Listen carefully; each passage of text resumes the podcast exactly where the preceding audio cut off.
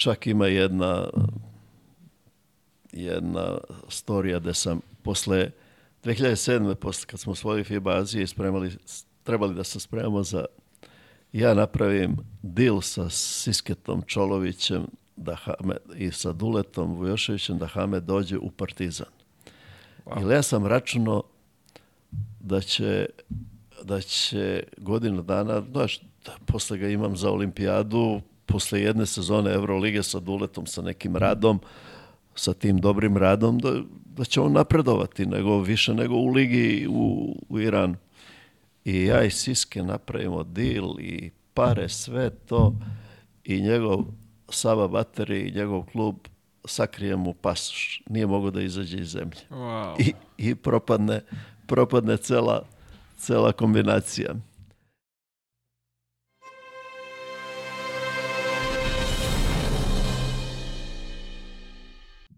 Pozdrav svima i dobrodošli u još jedan Jao Mile podcast. Uh, kao i svake srede, zahvalimo se Admiral Beto i Matijašić Vinogradima na pozorstvu, što su uz nas. Uh, e, takođe da vas zamolimo, zapravite YouTube kanal, da ovaj, budete u toku šta radimo, kako radimo, znači će vam vaša podrška. I uh, tu ćete naravno negde u opisu ovog videa, znači i sajt na kojem možete da nas podržite nekom kupovinicom. Tako da, budite uz nas, vaša nam podrška izuzetno znači. A, a danas imam čoveka sa izuzetnim iskustvom, a, čovek koji, aj kažemo, ima azijskog iskustva preko 15 godina. Ako sam dobro, ovaj, ako sam Tačno. dobro razumeo, Rajko Toroman je moj gost. Rajko, dobar dan i dobrodošao u na čašicu razgovora. Hvala na pozivu u Beogradu si koristiš pauzu, je li tako, ako sam dobro razumeo? Da, da. Ovaj, posle deset godina vratio sam se na Filipine u vreme svetskog prvenstva, spojio sam lepo sa korisnim, ogledao sam svetsko prvenstvo i nastavio da radim, ali sada prvi put u ulozi savjetnika. Kako izgleda cijela ta ovaj, uh, posle svetskog prvenstva tamo zapravo, kako izgleda to sve, ovaj, zanima me iz njihovog ovaj, ugla Pa, organizacija i celosvetsko prvenstvo. Ne, o, iz njihovog ugla organizacije oni su perfektno to organizovali, tu nije bilo problema, bilo je a, u najavi je bilo problema sa saobraćajem i to su rešili, recimo ovo finale i ove naše kad su igrali polufinale i finale igrali su u hali naslonjen na hotel gde su oceli, tako da nisu imali ni problema sa transportom, a u suštini Filipinci su mnogo očekivali od ovog svetskog prvenstva. Oni su napravili ekipu i uzeli su Jordana Clarksona kao naturalizovan, kao igrača kome su dali pasoš i očekivali su da mogu da naprave nešto više, međutim izgubili su sve utakmice u kvalifikacijama, što je bilo veliko razočarenje, dobili su na kraju Kinu i tu je bio jedan njihov problem da oni su birali između dva igrača, Justin Brown a koji igra 6-7 godina na Filipinima u, u najboljem klubu Inebra i između Jordana Clarksona.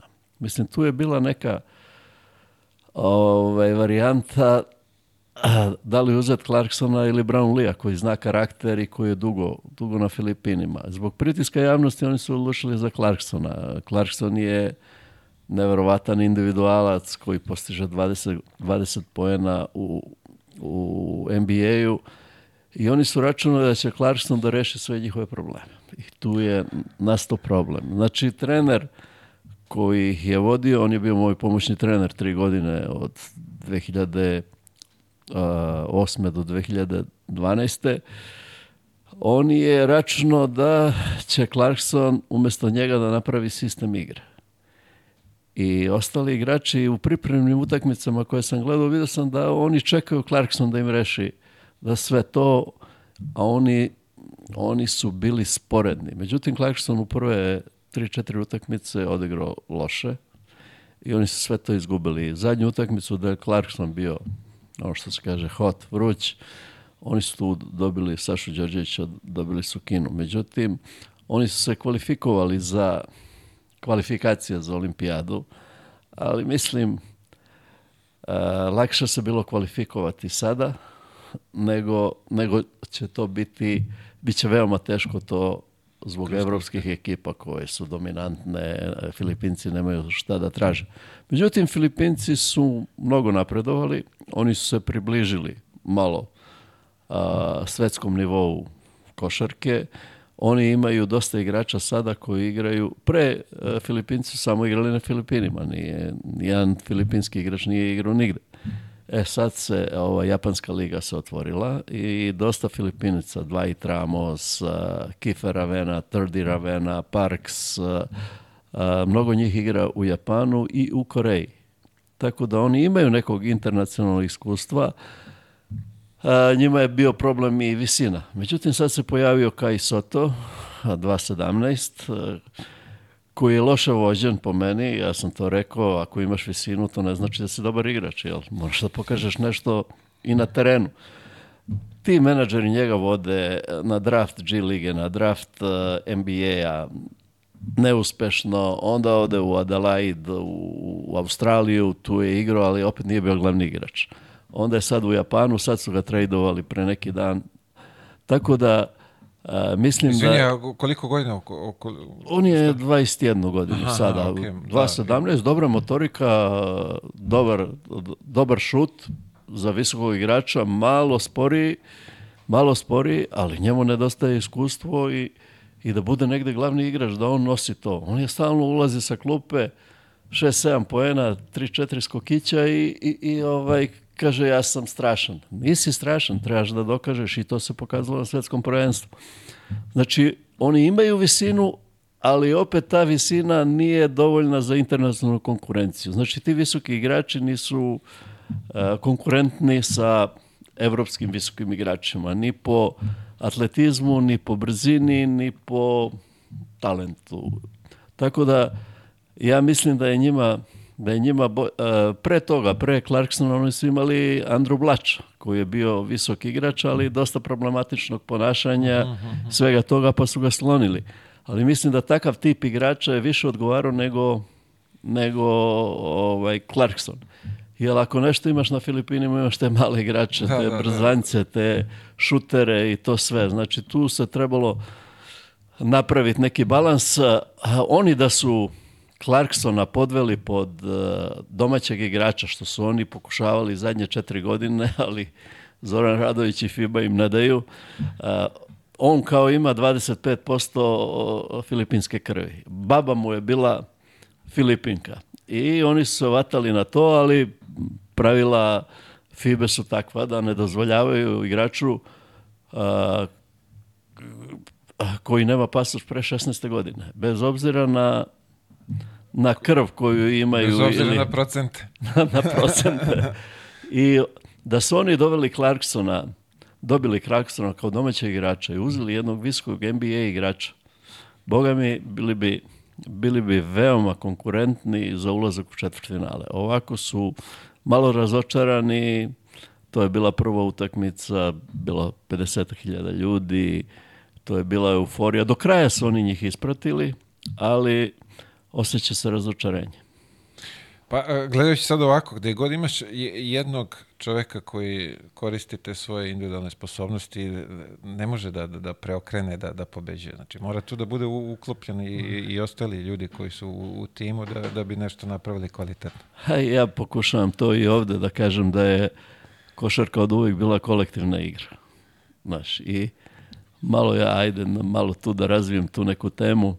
A, sada naših mladih igrača ovde, koji, koji nestaju u senderskoj konkurenciji. Nestaju. Evo, pogledajte Dejan Mišković. Juče sam saznao da je u Rusiji u ovoj drugoj ligi MVP prvenstva, pecarski MVP.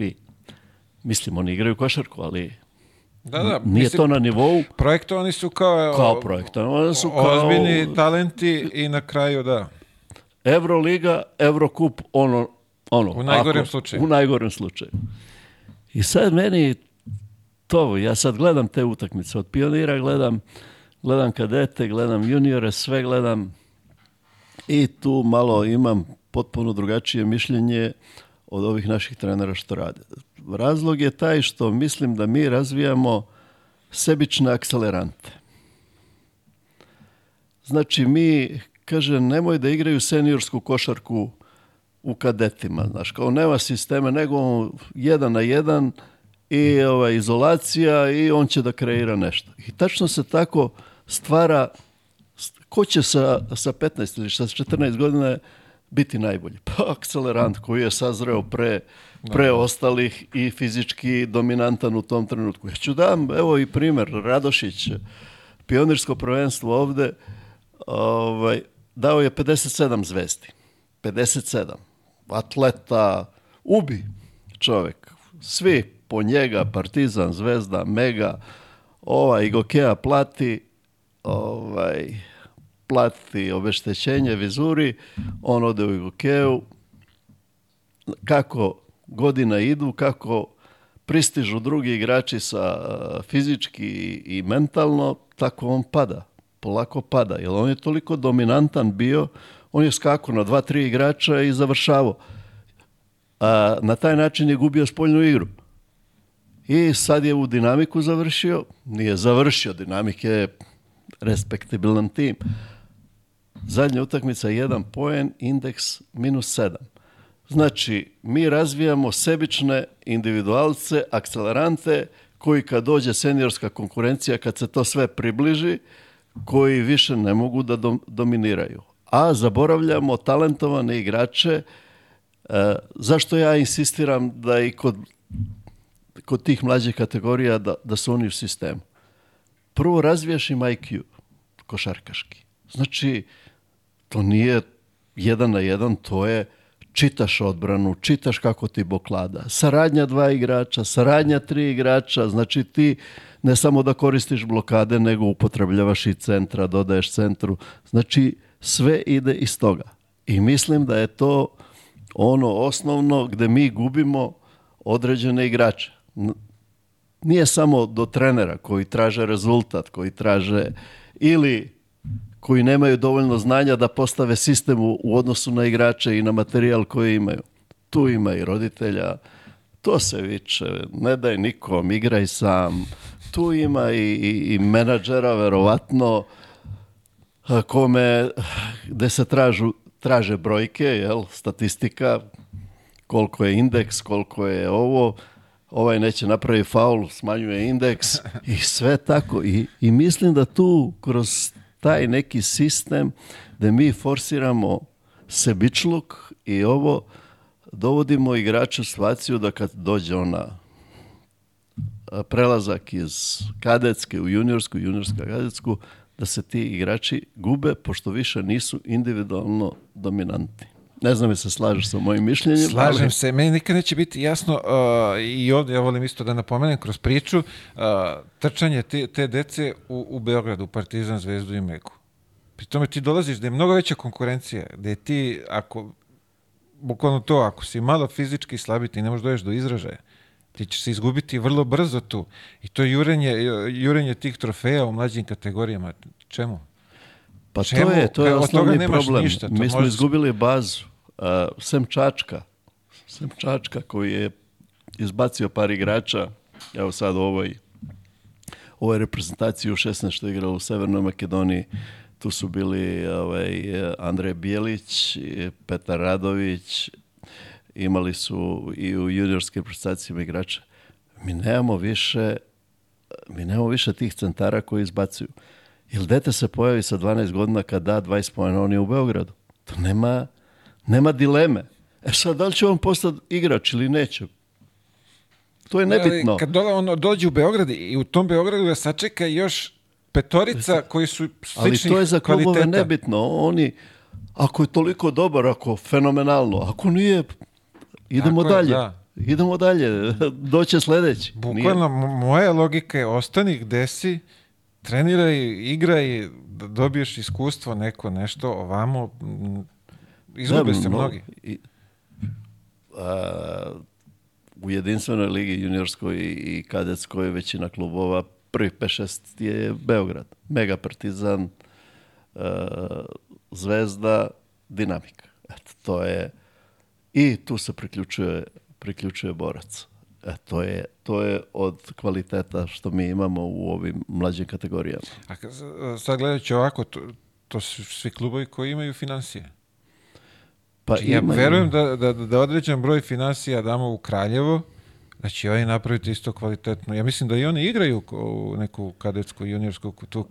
Jeste, ali igraju, da je... igraju, zato što im se lakše kvalifikovati, jer oni nemaju Nema ka, konkurencije. Nemaju konkurencije tamo. Bez obzira kakve timove imaju, oni pa gube. Oni su malo tu sada ovaj, Spartak ulaže u te mlađe kategorije, pošto im je prvi tim, ovaj, imaju do, dobru finansijsku situaciju, ali mislim da, da ti igrači, većina dosta greši prerano, prerano napuštaju te sredine da bi mogli da se razviju, da se razviju i da pokažu ono što znaju.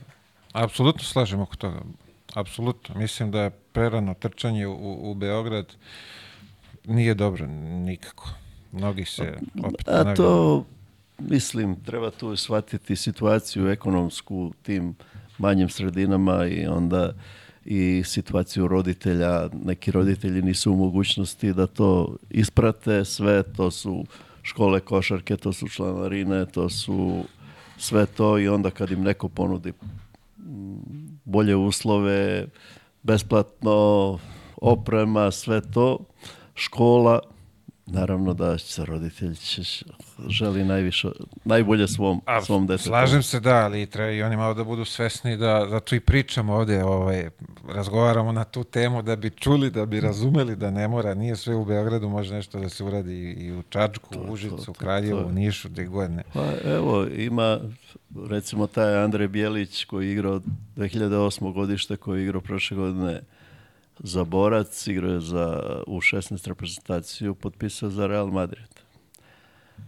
Ovaj Šušić, on je 2008.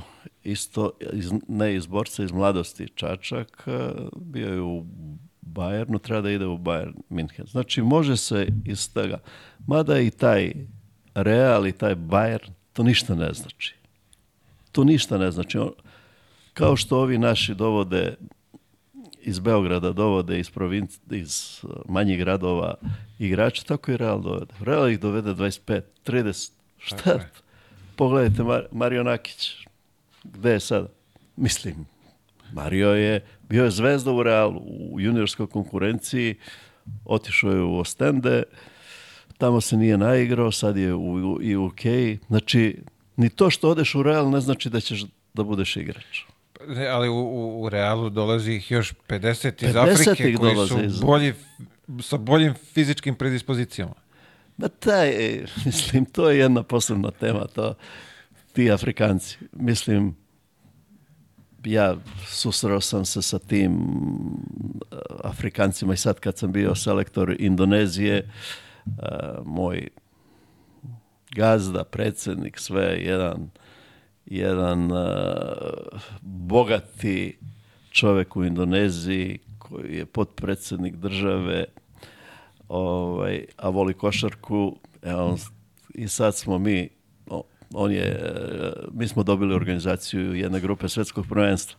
I sad je on hteo da napravi ovaj, reprezentaciju koja bi mogla da se kvalifikuje. Obično domaći tim se direktno kvalifikuje, ali FIBA je rekla Mnogo ste loši.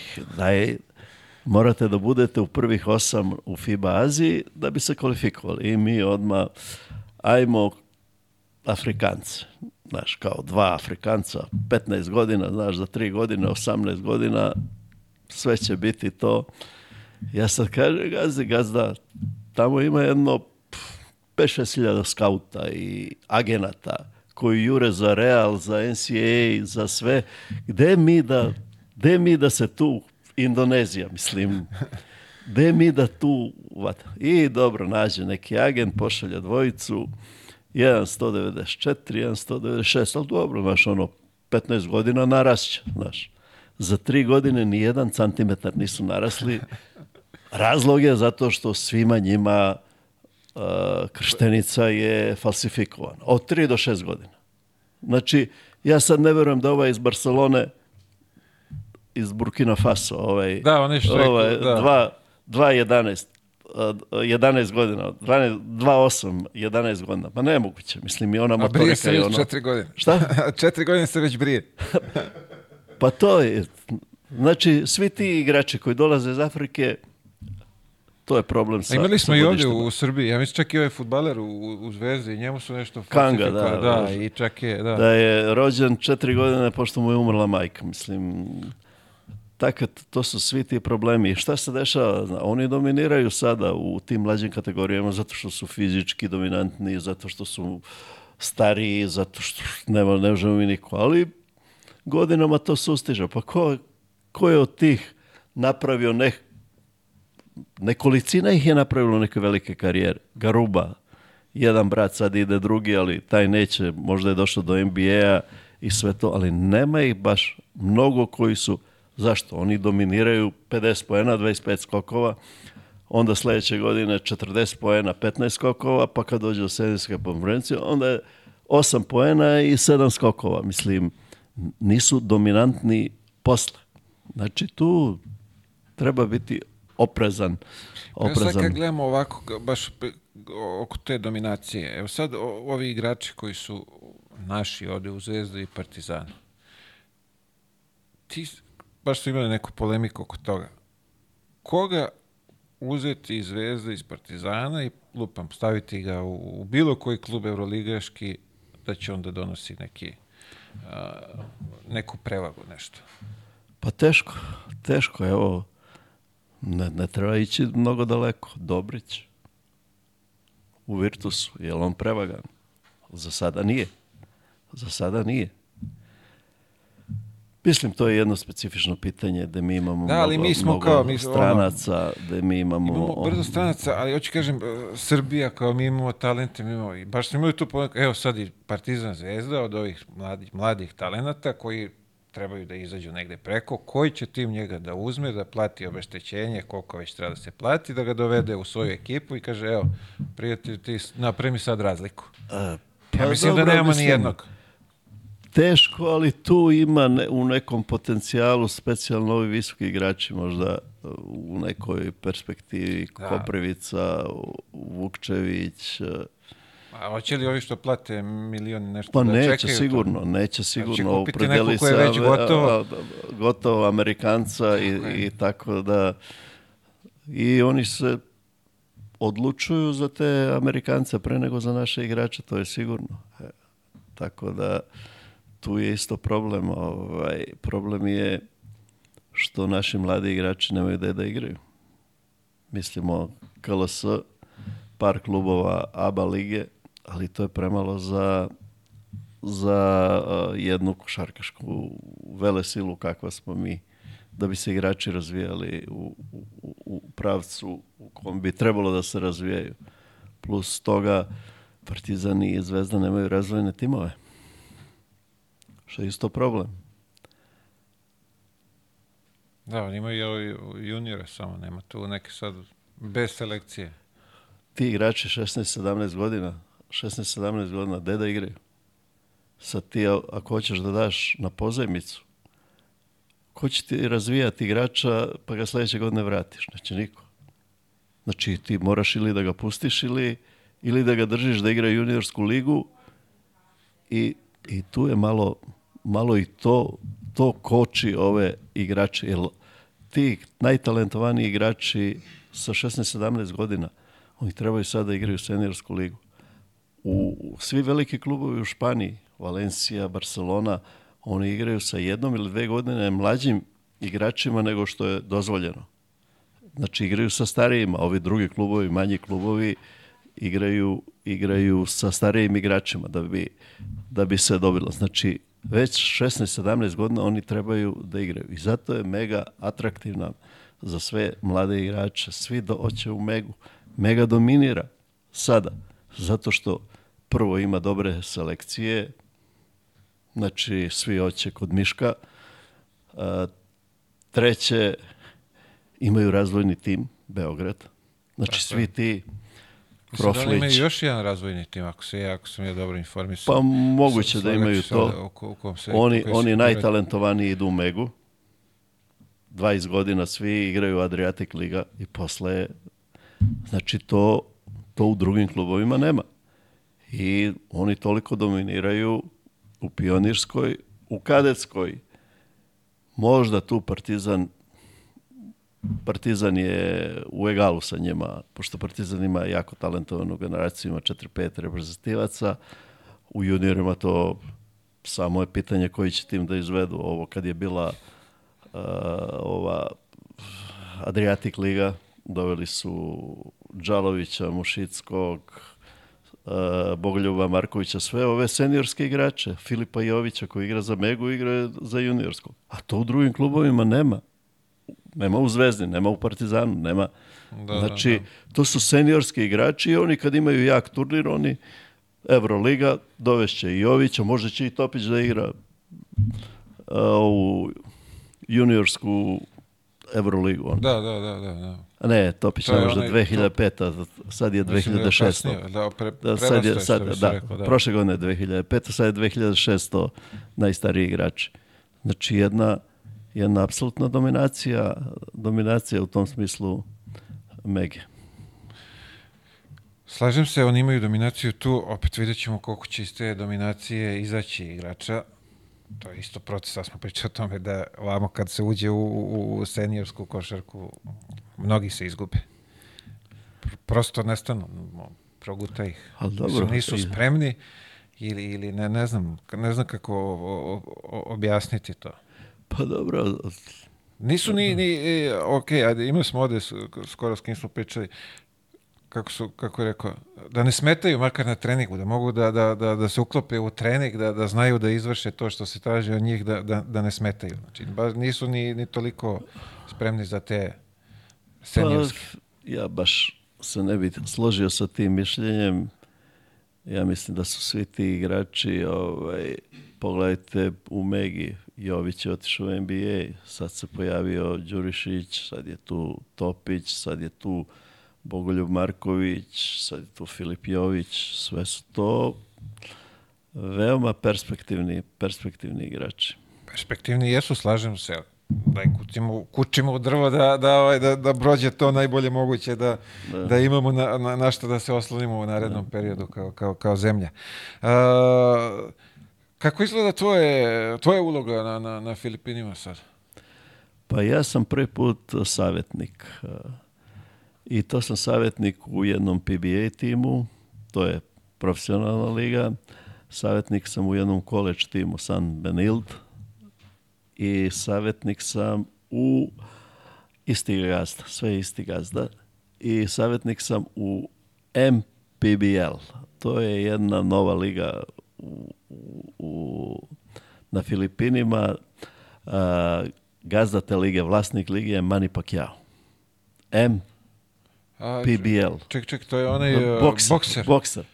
Koji je imao u prošlosti on obožava košarku, imao je jedan uh, PBA tim, profesionalni tim u, u PBA-u i on je, to je malo onako bilo i, i, i, on je bio i trener nešto i tako, mislim, svašta je tu bilo, mislim, što i nije onako bilo mnogo košarkaški, ali on je vlasnik te lige i specifičnost te lige je, uh, pošto se PBA, profesionalna liga, igra samo u Manili 12 timova i to, to je zadnje 40 godina 12 timova Ova MPBL, tu ima dosta PBA igrača, pretežno oni koji su stariji malo i sad ovaj, završno idu u taj... Pred penziju.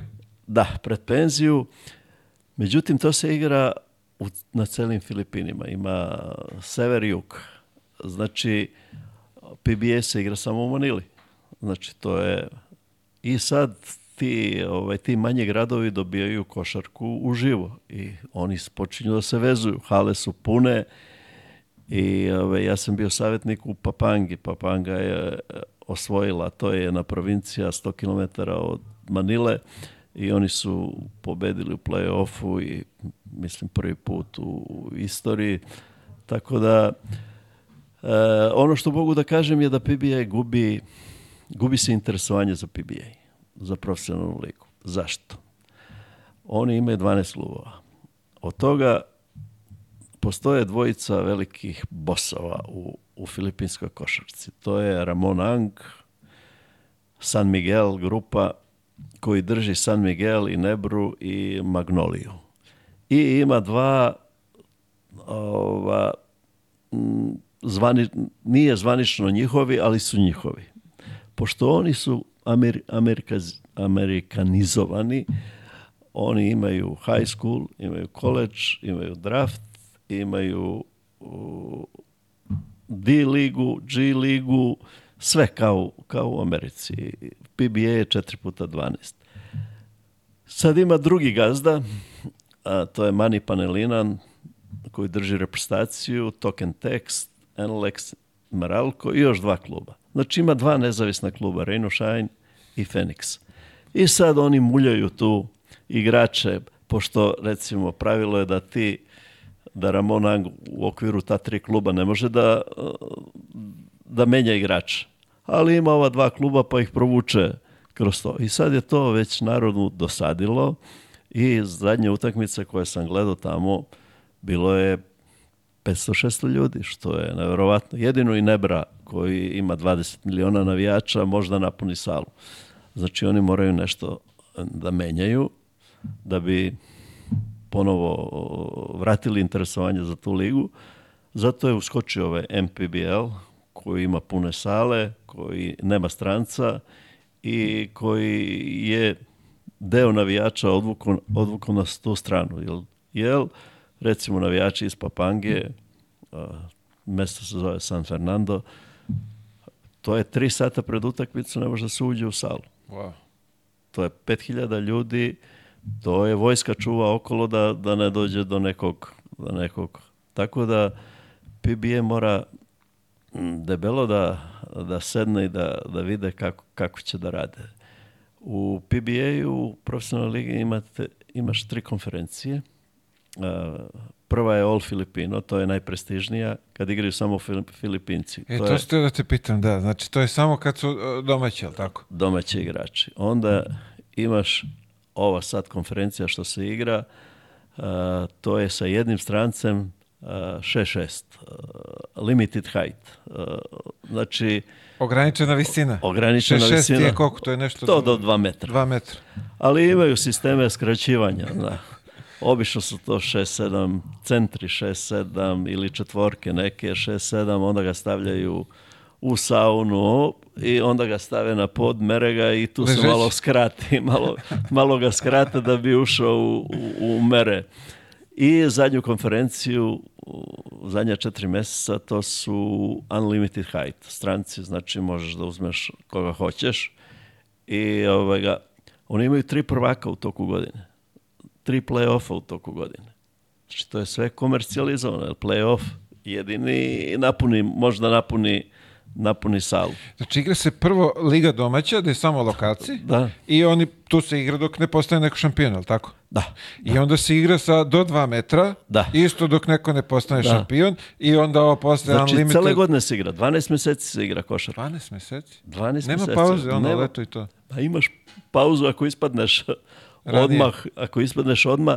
I drugo, oni, oni, oni ovaj, malo taj raspored štimaju. Ako si igrao finale, onda nećeš da igraš prvih dvadesetak dana. Znači, bit ćeš u pauzi. Igraće oni timovi koji su ranije ispali, koji su bili na odmoru. Tako da oni to, ali uglavnom sve vreme se, sve vreme se igra, igra košarka tamo. I to je jedini sport tamo, ne, ne postoji drugi sport. E, ja dole sad u arapskom svetu dok sam bio, znaš i samo Bahreinu, ovaj, i, i ovaj, kako zove, Emirati, Filipinci imaju svoju ligu. I to, to kad se su... oni pojave, hale su pune, bro. Pa to, to su neverovatne stvari. Ovaj, prvo, ta njihova vezanost za reprezentaciju i za košarku, to je neverovatno. ja sam bio trener eh, filipinske reprezentacije tri godine i svake godine smo mi išli u Bahrein, u, u, u Dubaji na turnir. Pa mi kad dođemo, pa to 5000 ljudi, to ne može, to, to je neverovatno. Pa ja sada, mislim ono da ne da, ajde da se hvalim ili ovo, ja sad ne mogu da idem kroz mol. Sad, kad sam odlazio na svetsko prvenstvo, 400, 400 ljudi se slika sa mnom. Posle 10 godina, mislim, oni ne zaboravljaju, oni ovaj, takav respekt, takav respekt daju i trenerima Pogotovo ovaj, ja koji sam bio trener reprezentacije Gilas, nisam imao profesionalne igrače, nego sam imao igrače sa koleđa i napravio sam najbolji rezultat u 25 godina u, tamo. Oni to znaju i oni i sad je to bila pompa posle neuspeha ovoga da, da ja opet eh, preuzmem reprezentaciju i mislim to su bile želje eh, ovih navijača, navijača Gilasa. Mislim nije bilo realno, ali jednostavno posle 10 godina kad vas neko tako prija. Mislim, nije to ništa da da, da, da, specijalno, ali, ali prija. Ja, ima baš jednom kad smo bili, kad je bilo FIBA Azija i ja sam bio, nisam bio trener reprezentacije, nego sam bio trener u PBA u profesionalnoj ligi i otišli smo Zoran Radović i ja na šesti sprat garaž. Mi smo silazili 45 minuta. Kaže, ja više nikad neću s tobom da idem. Ja više nikad neću. Toliko je, toliko su igrači, toliko su treneri, ovaj, toliki respekt oni imaju za košarku i za trenere, igrače, igrači, ovi poznati, oni ne idu u, u restorane, jel to, one javne restorane, jel to, to je samo, oni vole da se slikaju, ali to, to postaje wow. ludilo. Tako wow. da, da. Ja kako sam ih doživio, fanatici, ne znam kako drugačije bih opisao. Da, da, Fanatizam do, do, do, do besvesti. Da, da, znači, fanatici. Kažem ti, u Bahreinu ljudi su imali svoju ligu, pošto oni tamo radna snaga, ona Pa da, pa imaju svuda, imaju rekao, u Emiratu. radna snaga, tako je, ali oni su spremni da u svakoj zemlji gde god ih ima organizuju ligu i oni imaju svoju ligu kad se igra i, i te utakmice su posećenije nego znači sam ono kad pa igramo... Dobro, mislim u Bahreinu uh, e, posvećene su Manama, Muharak i Ahile kad igraju međusobno i četvrti su Filipinci kad igraju. Ovi drugi nemaju navijača.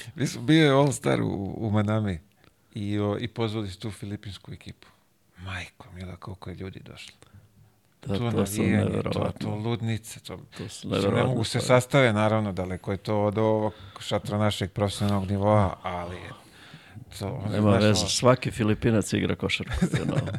on će svaki koji onaj dovezete šofer, on će proba da šutne, mislim, nema nemaju taj... Ne, ne, stvarno su ono, genijalni ali to, to, ta ovaj, organizacija da oni su u svakoj zemlji bre napravili ligu svoju i da to ono, pršti od, da. od igranja. Znaš šta je, dosta tih igrača ima mm, su Amerikanci sa filipinskim pola-pola, mislim. Aha, I, I sada na ovom zadnjem draftu, na zadnjem draftu, a prvih 10 igrača je bilo fil Amerikanci.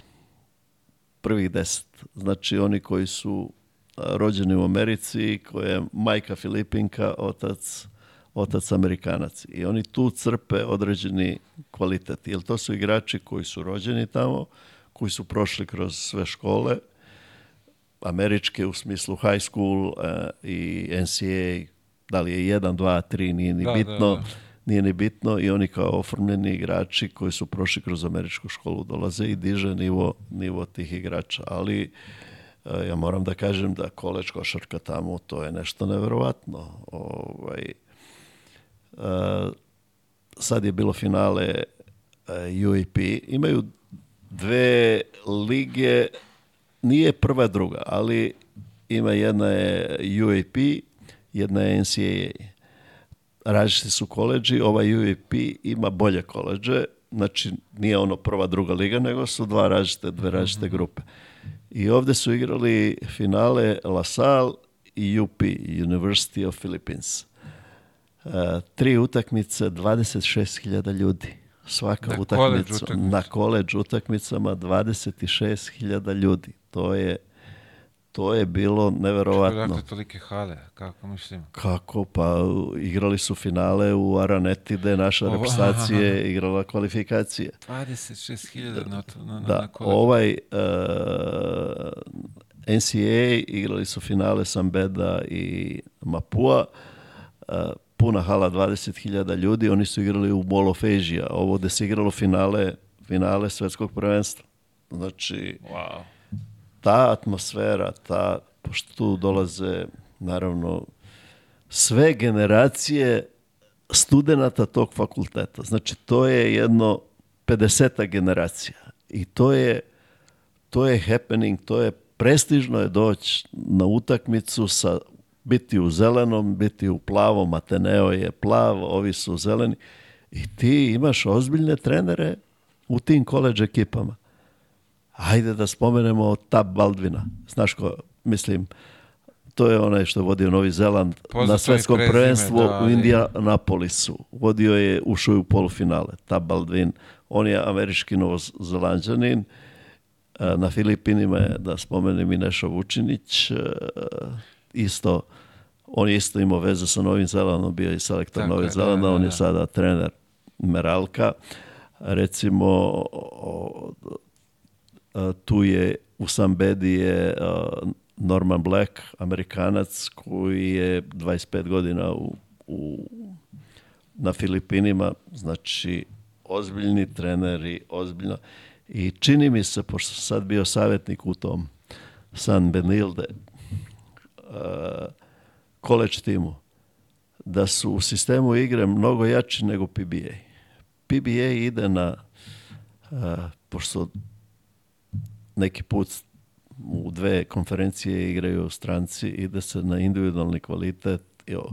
Ovo su veoma a, jaki sistemi igre što igraju koleč timovi. Jaki sistemi igre. Ja nisam, dok nisam počeo da radim, nisam tako mislio. Mislio sam to je to je Iverson, Hammer, to je Pistol, to To se radi, to se udara samo tako. Agresivnost neviđena. Neviđena. I ja uvek to kažem, oni zbog te atmosfere, znaš, ti svi igrači igraju 30% bolje ne, nego što su u stvari oni. Da, da, da znaš, da, da, da. imaju ono samopouzdanje, još ono kad navijaju, kad dođu svi i navijaju za njih i oni igraju te utakmice koleđa su mnogo jaki. Wow. Pa mi ne možemo da napuniti ovde u futbol ligu šampiona, ne možemo da napunimo 26.000 To čovječoni na koleđu takmici, šta je to? Da, to su, to su tamo, to Fanatizam, su nevjerovatne da. stvari. Svaka im čast. Hvala Zato jesu toliko vjerojatno ovaj, po celom svetu gdje god ih ima oni su, ludi su za košarku. Ludi su za košarku, oni su talentovana nacija.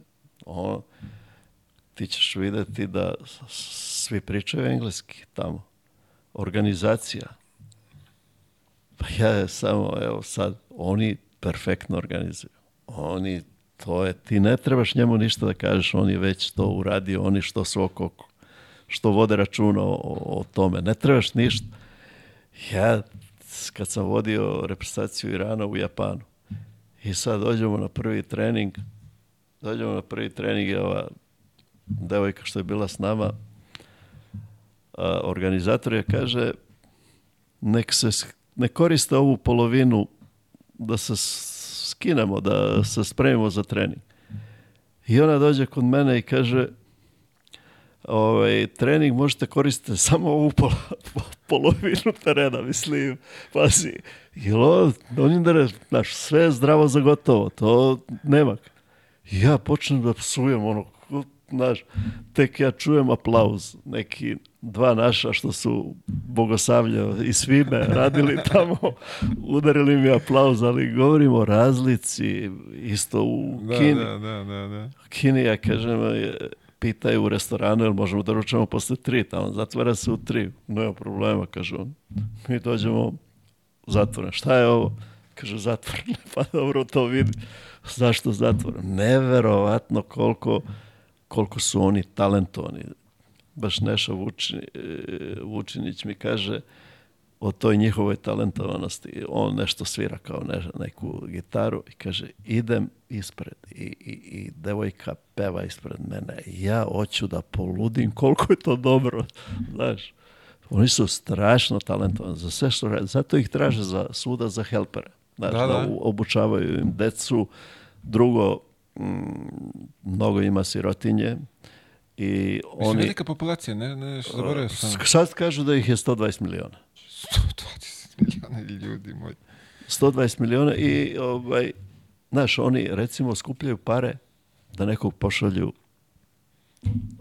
overseas da bi im vraćao pare. Najveći dohodak na Filipinima je... Tako je, da, to sam čuo, da. Pa, mislim, dolazi, od tog... E, od tih čak i oni radnika. porez plaćaju koji idu preko da zarade, moraju plate porez ovamo.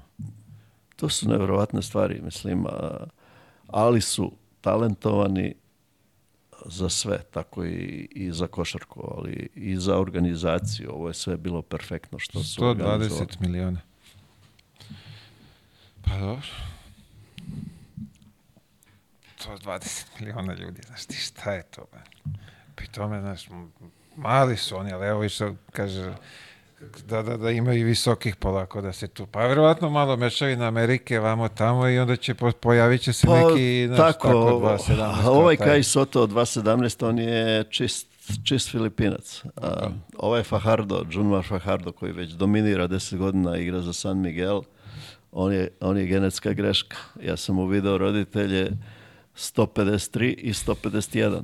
Znaš, to, to je nenormalno, mislim. Tako da... Ali vole košarku, to je... Vole, ali Fahardo je malo je sporiji, ali imaju Džapeta Aguilara koji je bio kod mene u repstaciji, 6-9 atleta, dobar igrač, e, imaju to su sada igrači, imaju sad nekog sa NCAA van, Edu se zove, igrao je na svetskom prvenstvu, dobar defensivni igrač, sad je otišao u Japan, isto o, ima 6-9, ima 2-6, igra na poziciji 4. Tako da oni imaju, imaju oni po meni možda je najbolji domaći igrač Dwight Ramos koji igra u, u Japanu. To je jedan ovako bek od 195-6, znači ima size, čak evropski ima ga svuda u skokovima, asistencijama, poene, čak u nekim momentima može da igra i na poziciji pleja. Wow, malo da Uh, kako izgleda tvoje, ovo što me zanima, ta savjetna ova davna uloga trenerima, hoće da, da upijaju tvoje pa ja sam tamo ili... došao, ja sam tamo došao na poziv mog pomoćnog trenera iz reprezentacije, uh, koji je glavni trener San Bendilda College, uh, Koškoške i onda, onda me gazda ovako koristi i za, za druge stvari. Uh, sa Charlesom, sa ovim trenerom sam imao mi smo, on je mlađi, on je 31 godinu, ali je neverovatno pametan i perspektivan trener.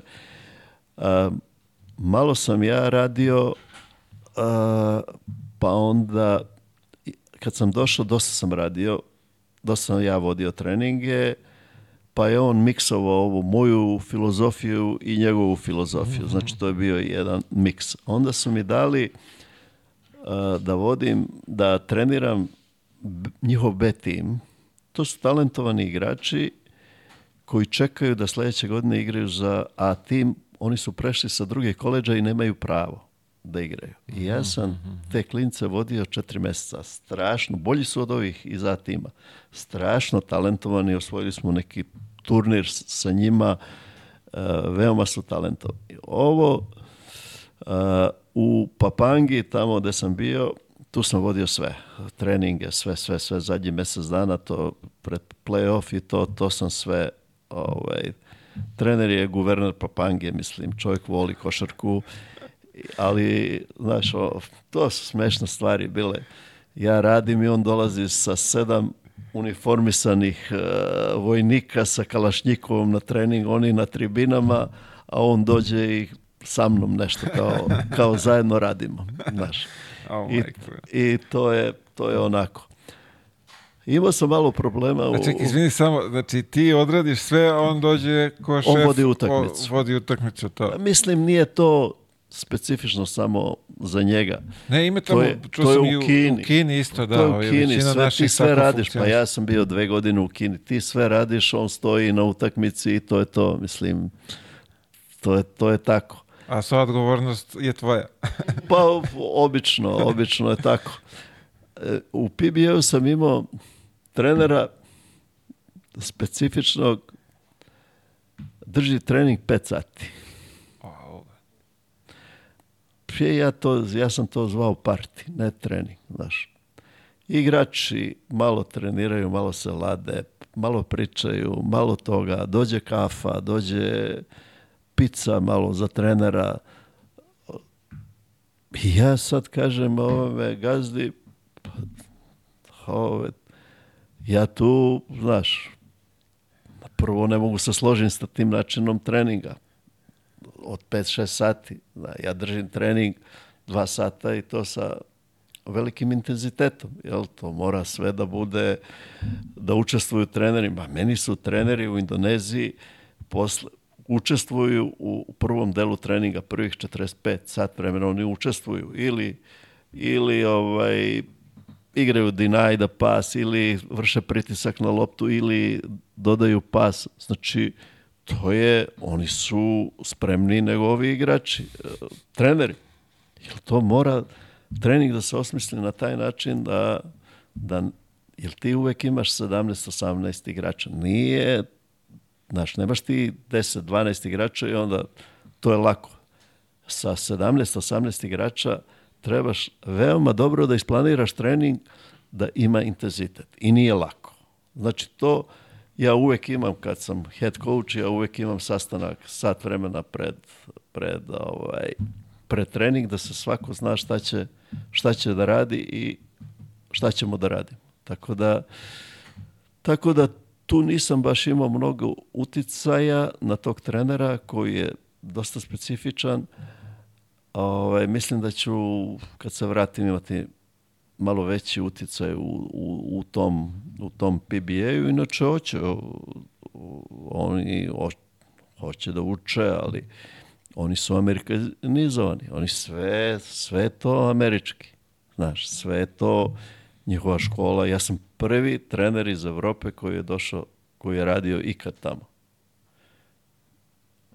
Oni da. imaju od stranaca, imaju sad tog tam Balvina koji je isto poluamerikanac, imaju tog uh, Tim Kona koji je daleko najuspješniji, ima 23 konfer 25 konferencija osvojio.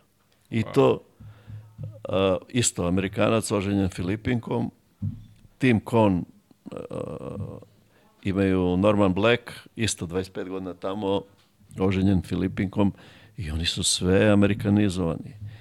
Ja sam, mislim, to je bila i neka ove, ovaj, slučajnost kako sam ja došao na Filipine. Ja, ja sam se i rano osvojio FIBA, a, FIBA Aziju a, 2007.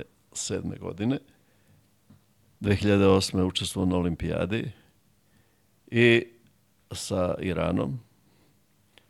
I tu smo napravili od Irana jednu, jednu uh, powerful azijsku košarkašku, košarkašku reprezentaciju.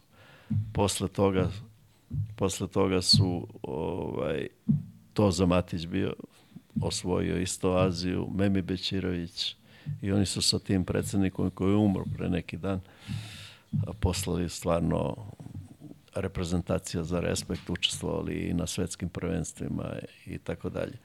I sad ja posle olimpijade umoran, to je šest meseci pripreme, to je bilo ludilo koliko smo mi, mi smo odigrali 27 utakmica u pripremnom periodu za olimpijadu.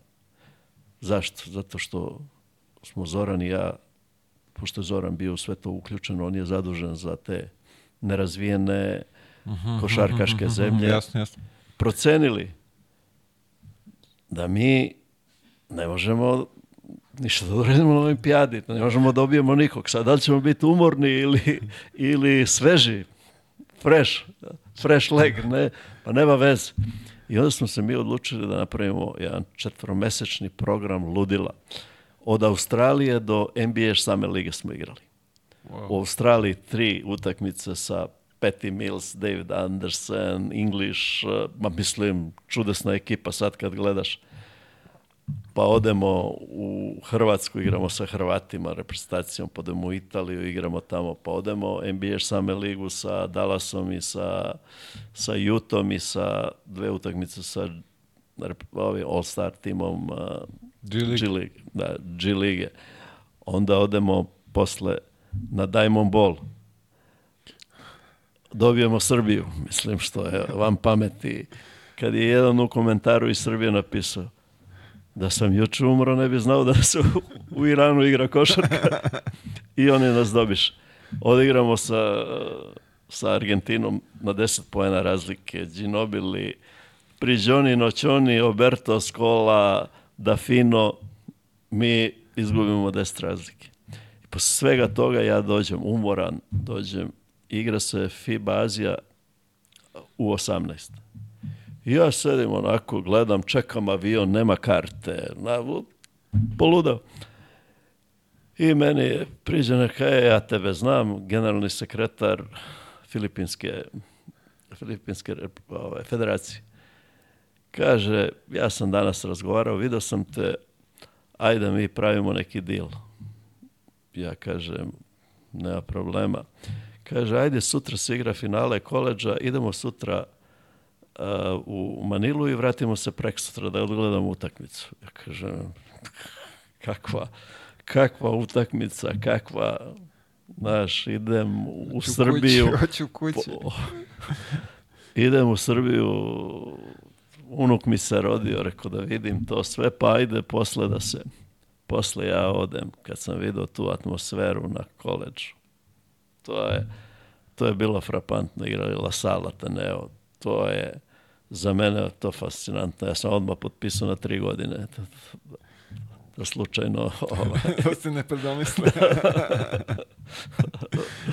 I sad kad spominješ Iran, uh, mnogi igrači su naši bili, ja sam imao ne, neku ovaj, kratku avanturu tamo, ovaj, uh, baš si ostao onako, što bi se reklo, utisak, dobar trak tamo da, da, da većina igrača koje sam upoznao kunu se u tebe. Pa da ti kažem, to je bila, oni nikad pre nego što sam ja došao nisu osvojili ništa. Nisu osvojili ni jednu medalju na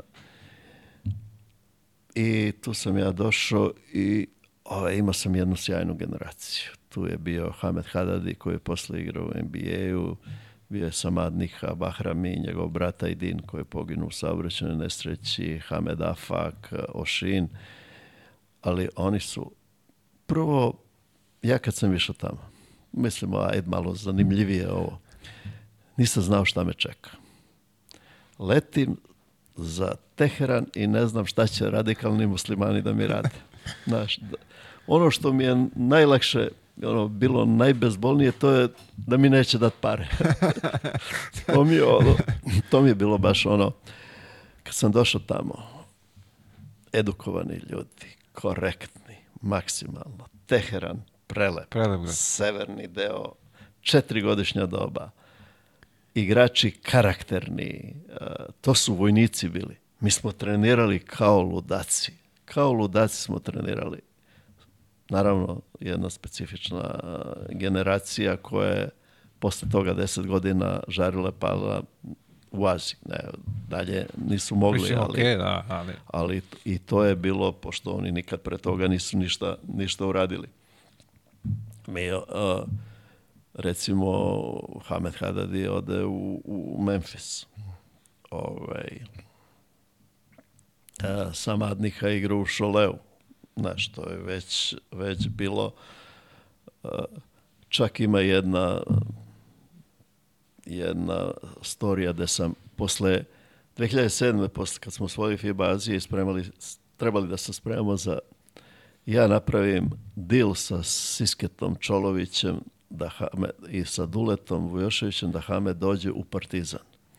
Wow. Jer ja sam računao da će da će godina dana, znaš, da posle ga imam za olimpijadu, posle jedne sezone Evrolige sa duletom, sa nekim radom, sa tim dobrim radom, da, da će on napredovati nego, više nego u ligi u, u Iranu. I ja i Siske napravimo deal i pare, sve to i njegov Saba Bateri i njegov klub sakrije mu pasoš. Nije mogao da izađe iz zemlje. Wow. I, I propadne propadne cela cela kombinacija. A još jednu ću anegdotu iz toga sa Irancima. Posle sam ja bio trener Filipina posle Irana i sada kod Filipinaca uvek imaš to, znaš, ono, fil Amerikanci da li su ili nisu. I tu smo mi imali probleme sa Maršom Lasiterom i neki Chris Lac. Kako ući u Irana? Ne, ne, nego... Uh, čak prvu utakmicu FIBA im nije dozvolila, pa drugu dozvolila. Ej, sad desi se, ovaj, to je bilo posle Hamed bio u NBA. Ja i Hamed i par igrača u liftu, znaš. I on meni, a, a ja trener Gilasa Filipina, a vi Filipinci čiteri, znaš. Kao, znaš, ove dokumenta, vi, znaš, čiteri, znaš. Ja kažem, Hamed, ko je veći čiter od mene i tebe?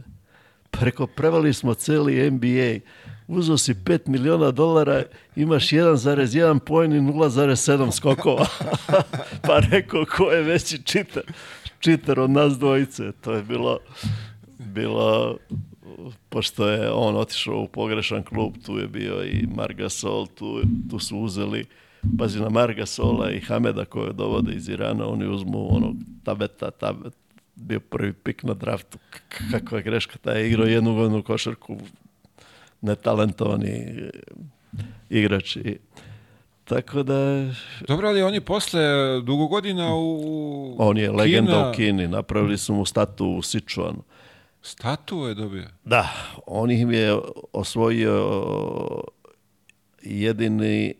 Uh, bili su prvaci, prvaci Pa dobro, i to je situacija, ovi loši timovi, znaš, oni, oni imaju dva Amerikanca, a mogu jednog azijskog Azijata. I tu je, oni su doveli Hameda.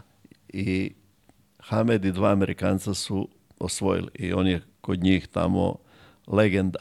Mislim, ja, ja sam imao fantastičan odnos sa Hamedom. Čak i ceo ovaj, njegov ugovor sa Flasherom, sa agentom i sa Memphisom je išao kroz, kroz ovaj, moj e-mail. Znaš, ja, ja u jednom trenutku pomislim, jebote Bog, ovi će me uhapse ovde, znaš, ono, daješ igrača u Ameriku, znaš, da, da no, da, da, pa da. ona da, relacije... Baš ti odnosi nisu... Odnosi nisu, ali to su tako, takvi karakterni igrači. Recimo, posle toga, 6, 7, 8 godina, Hamed mene zove da dođem u Sičuan kao konsultant. Ja sam otišao tamo. Bio sam, na njegov poziv sam bio, jer on je tamo institucija. Bio sam par meseci kao konsultant u Sičuanu. Zanimljivo je, on je e, veže uh, Kinu dok ne ispadnu, dok ne završe i onda se vrati u Iran. U Iran i ove, odigra, da, odigra, o, odigra finale play-offa da, za da, da. Mahram da. ili za, za neki drugi tim. On je dominirao tim. tako godinama. Da. Ja sam ga nazvao e, iranski divac on je on je visok, njegov IQ za košarku je neverovatan. On je neverovatan. To, on je svaku utakmicu u Kini imao triple-double. I visok crn, onako, ne voli da trenira. Malo slomačić, onaj pivski, znaš, voli da živi. Znaš, on jednostavno ti moraš da ga znaš on, on je, on je e, tražio formu kroz utakmicu, ne kroz trening. Znaš, onda jedne godine kad sam bio u Iranu, ovaj, u Saba Bateri, ovaj trener, upari njega i Joseph Garf. Znaš, to je jedan Amerikanac, jedna ona rmpalija, jedan od dva, dva 15, 16, nepokretan skroz. I on upari njega i Hameda. Ovaj Garf petica, Hamed na četvorku. I e, on, naš, malo šutne, ono, ja kažem, Hamed, ovo je idealno za tebe. Znaš, prvo, ne dobiješ batine dole, ne ulaziš u reket. Šutneš onu trojku, e, vraćanje razdaljina od tri poena do, do odbrane je mnogo manje nego da se... Od koša do koša. Nego da se ovaj, biješ tamo dole sa centrima i da treba da isprinteš ovo. Ovo je za tebe najbolja pozicija. A čovjek je neverovatan unutra sa tim poluhorocima i svim tim. Ali lenj ne možeš da, da zamisliš kaj, ko je to lenjost. I voli da živi. I, ali je napravio fenomenalnu karijeru u, u Vidi, on je to spojio tu u Kinu i Iran posle, to je, to je fantastično. Baš zbog te prednosti azijskog igrača posle osmog mesta, ja mislim da je ne znam kako se rangira tamo. Da, da. Posle nekog mesta ti loše ekipe mogu da da, dovedu... Da, zadnje še, četiri ili šest ekipa, zavisno. Ja tako, da. Tako. Nešto znam da ima i on je to Inače, koristio. Inače, Hamed je, Hamed je fantastičan čovek i ovaj, kad je bio u Americi uspeli su da ga izvaraju za sve pare. Mislim, koliko je naivan i, i ovaj, previše veruje i, i jedan fenomenalan dečko ovaj, uvek, uvek je posle posle on to napravio veliku karijeru u Kini. Baš ja, velikom. ti si bio to u tom momentu, sad si rekao, u, u pregovorima Amerika i to, kako, kako se u, u Iranu pričalo o tome, pošto treba da, da, da putuje pa, za Ameriku šta, da bira ovaj, tamo? To je, to je bilo, mi smo otišli na taj, na taj prvi put je iranska ekipa otišla na NBA Summer League. To je bio presedan. Presedan. Pazi, to, to proverete, išli smo u Dubaji da izvodimo vize i to sve, to je bilo strašno. Četiri uh, među vodećim ljudima State Departmenta je bilo sve vreme sa nama. Sve vreme sa nama. Sve su znali o nama. Provera, to je bilo strašno. I sad a, mi kad putujemo imamo security, znaš, ali ne security da nas čuva, nego security da se ponašaš po pravilima, da, da, da, po da. pravilima ne smeš shorts da imaš, ne smeš ovo, ne smeš ono. I to, i sad ova jedna žena, crnkinja iz State Departmenta, Bushova prva saradnica. I sedimo i ona kaže, ko je onaj tamo za tog security-a? Znaš, ja kažemo, ba, pa rekli su mi da je iz olimpijskog komiteta. Ona kaže, aha, olimpijski komitet. Mislim, oni su sve znali o nama. I tu je bila ta je uspostavljena relacija između Košarkaškog saveza i uz odobrenje Ahmadinejada Džada, ovaj, da Hamed može da da ide da ide Što si ovaj, rekla od e, državnog značaja. Od državnog značaja to je bio jedan deal, jedna pružena ruka preko nas, ovaj prvi put iranska reprezentacija je učestvovala na na tako nekom NBA same, same liga, to je bilo nešto neverovatno i nepojmljivo za, za uslove u kom su relacije, političke relacije u tom trenutku. Da, da. A, će nam dočeraš još malo ovaj Iran kako izgleda iznutra što mnogi nemaju prilike, ovo što, što se čita i što se priča o njima je daleko od... Pa jednostavno Iran je, Iran je ovaj, fenomenalna država, mnogo lepa, lepi su gradovi, taj severni deo Teherana je fantastičan on se nalazi ispod planina i ovaj, recimo zimi dođeš gradskim prevozom ili taksijem na kraj tu iz planine, ideš gore gondolom, možeš da skijaš, iz Teherana možeš da skijaš. To su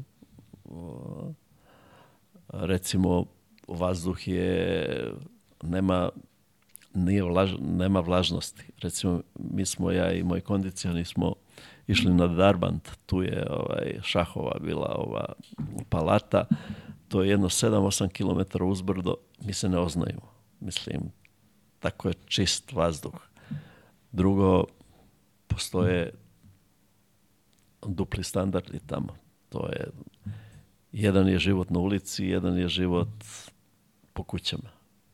I to je, tu oni prave kad se osjećaju sigurno da neće ono, policija da dođe i to, tu ima i alkohola i ima i ovaj, ima i droge, ima svega.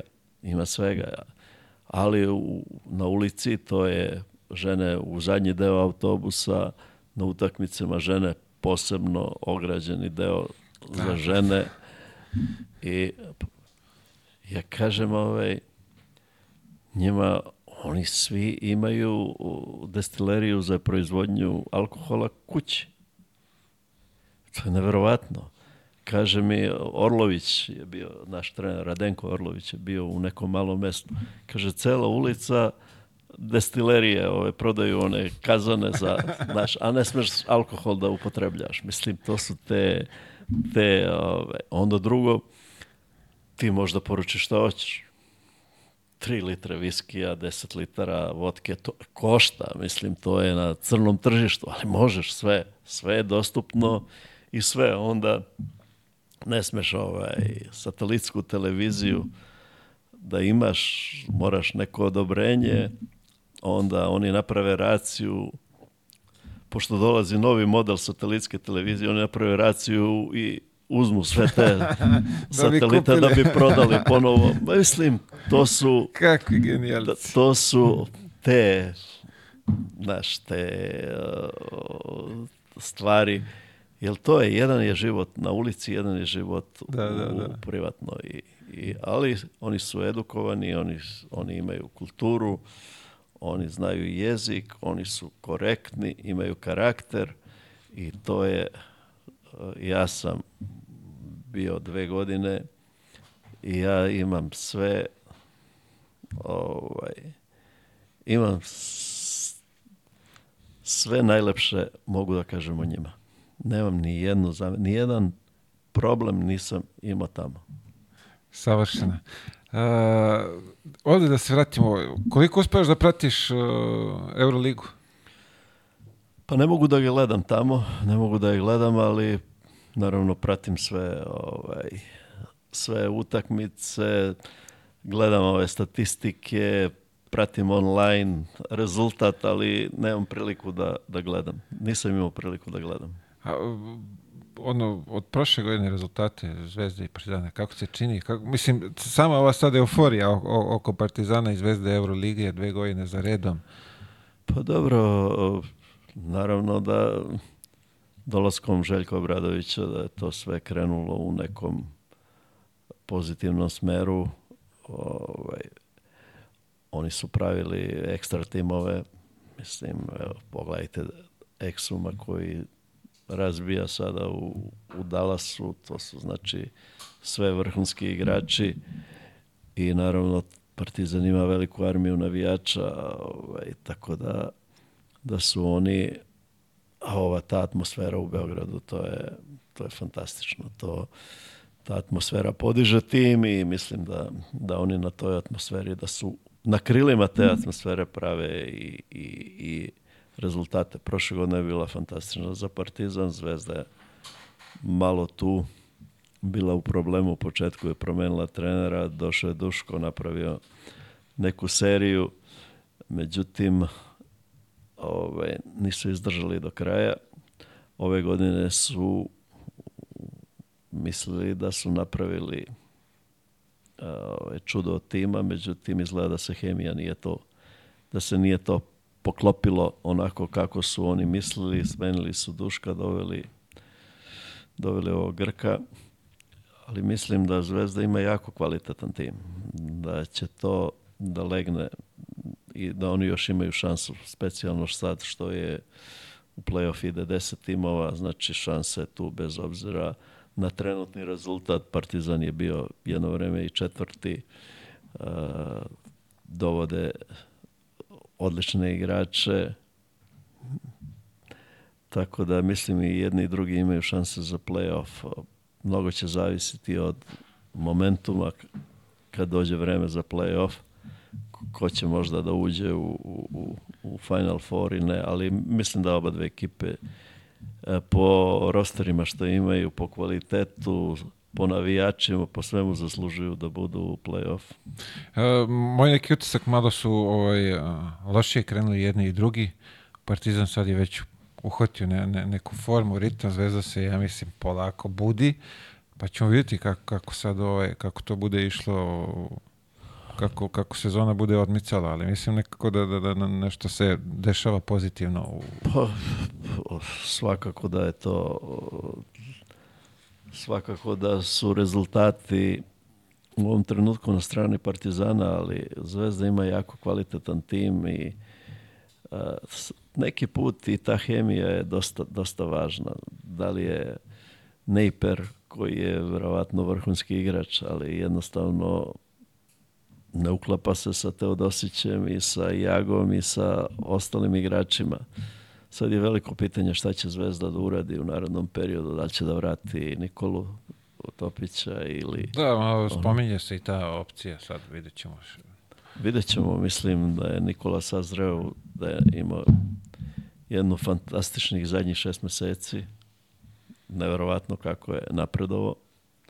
Tako, međutim, tu ne treba sada očekivati neka čuda od, iako se Nikola vrati, jer druga je nivo, nivo odbrana, nivo kvaliteta igrača je viši, e, minute su manje, a nivo samopouzdanja, znači, on svakako zaslužuje da, da uzme neke minute u Zvezdi, u ABA ligi i u Euroligi, pošto je stvarno avanserijski talenat ali ne treba sada staviti na leđa, na njegova leđa sav teret uspeha zvezde. Mislim da to Mislim, treba raditi da, nema, polako ne, ne, i na pravi da. način. Opet, a, ako se vrati, imaće i Miloša pored sebe, gde, ja mislim, to je isto jedna dobro, dobra stvar za njega. Pa koliko sam ja ono čuo, Miloš je insistirao na početku sezone da, da Nikola dođe, da on bude kao neki, neki mentor. mentor da, u tom smislu to je dobra stvar, svaka čast.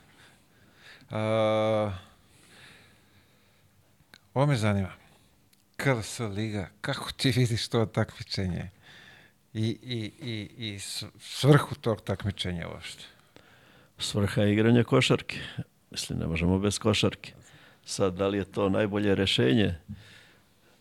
A po meni to treba da bude e, poligon mladih igrača.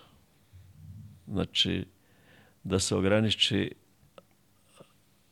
recimo, ajde da, da kažem 10 igrača do 24 godine i dva igrača starija. Onda bi to imalo smisla. Imalo smisla. Mislimo, putujemo neko moje mišljenje, ne mora, ne mora znači da sam u pravu, ograđujem se da me ne pljuju sutra ovi stari igrači, ali mislim da je to, da je to rešenje.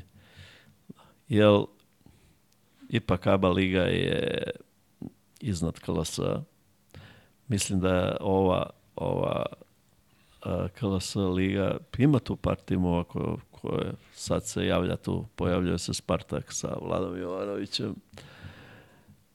Tu je Zlatibor već dve, tri godine, ali nedovoljno je to za, za ABA, za ABA 1 ligu. I tu to takmičenje treba iskoristiti na, na pravi način. Ovi timovi koji imaju malo veće budžete,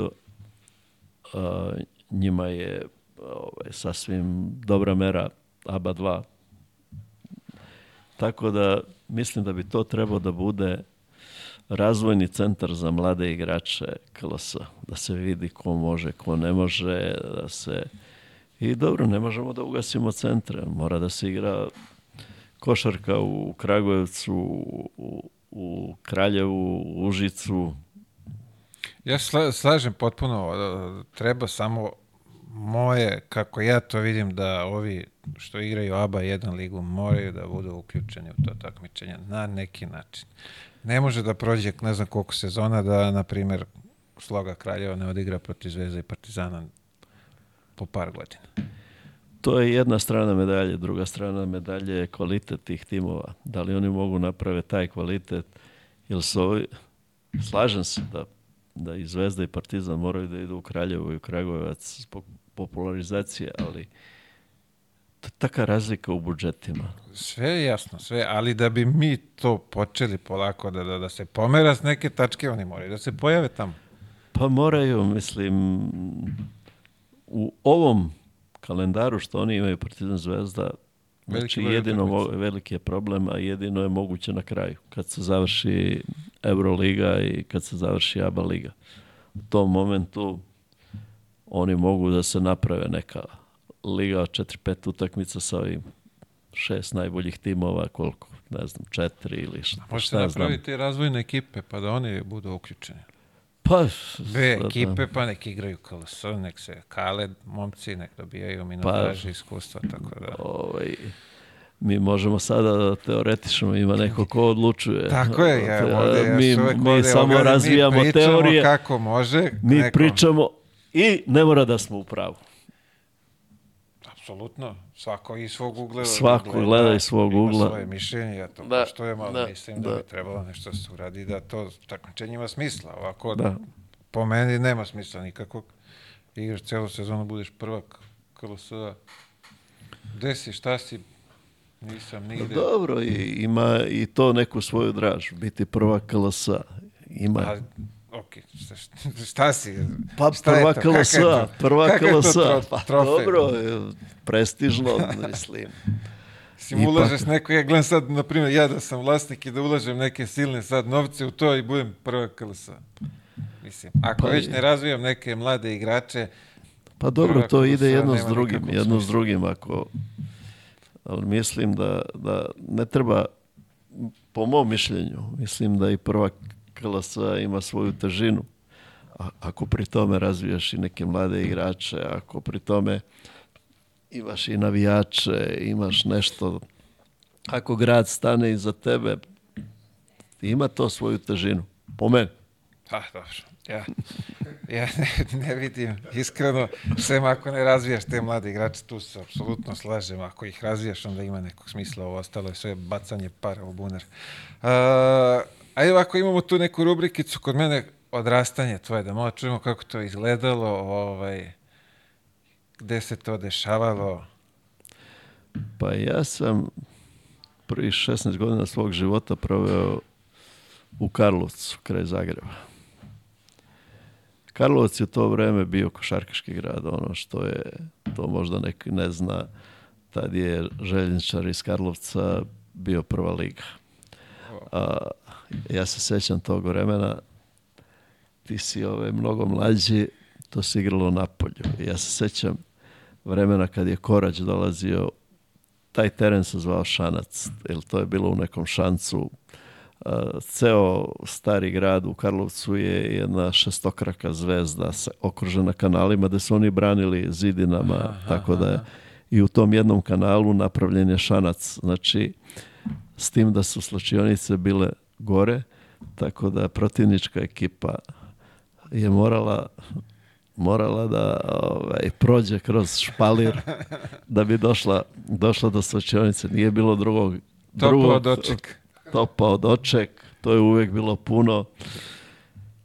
Ja se sećam i Daneva i Koraća. I moj ujak je igrao za železničar i onda sam ja tako došao u kontakt sa košarkom, vraća njemu lopte, kad on promaši, onda ja mogu da dam.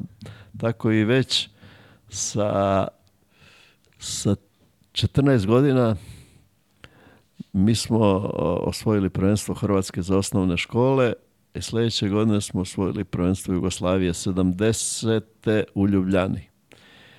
A, moja škola Herta Turza je osvojila prvenstvo Jugoslavije za osnovne škole. Za Beograd je igrao poznati uh, Susla, Dejan Srzić Susla je igrao za Beogradsku školu i tu sam ja već sa nekih sedam godina počeo da igram tu košarku i onda smo se preselili za Beograd, otac vojno lice, preselili se na Novi Beograd, došao u školu i sreo Šakotu.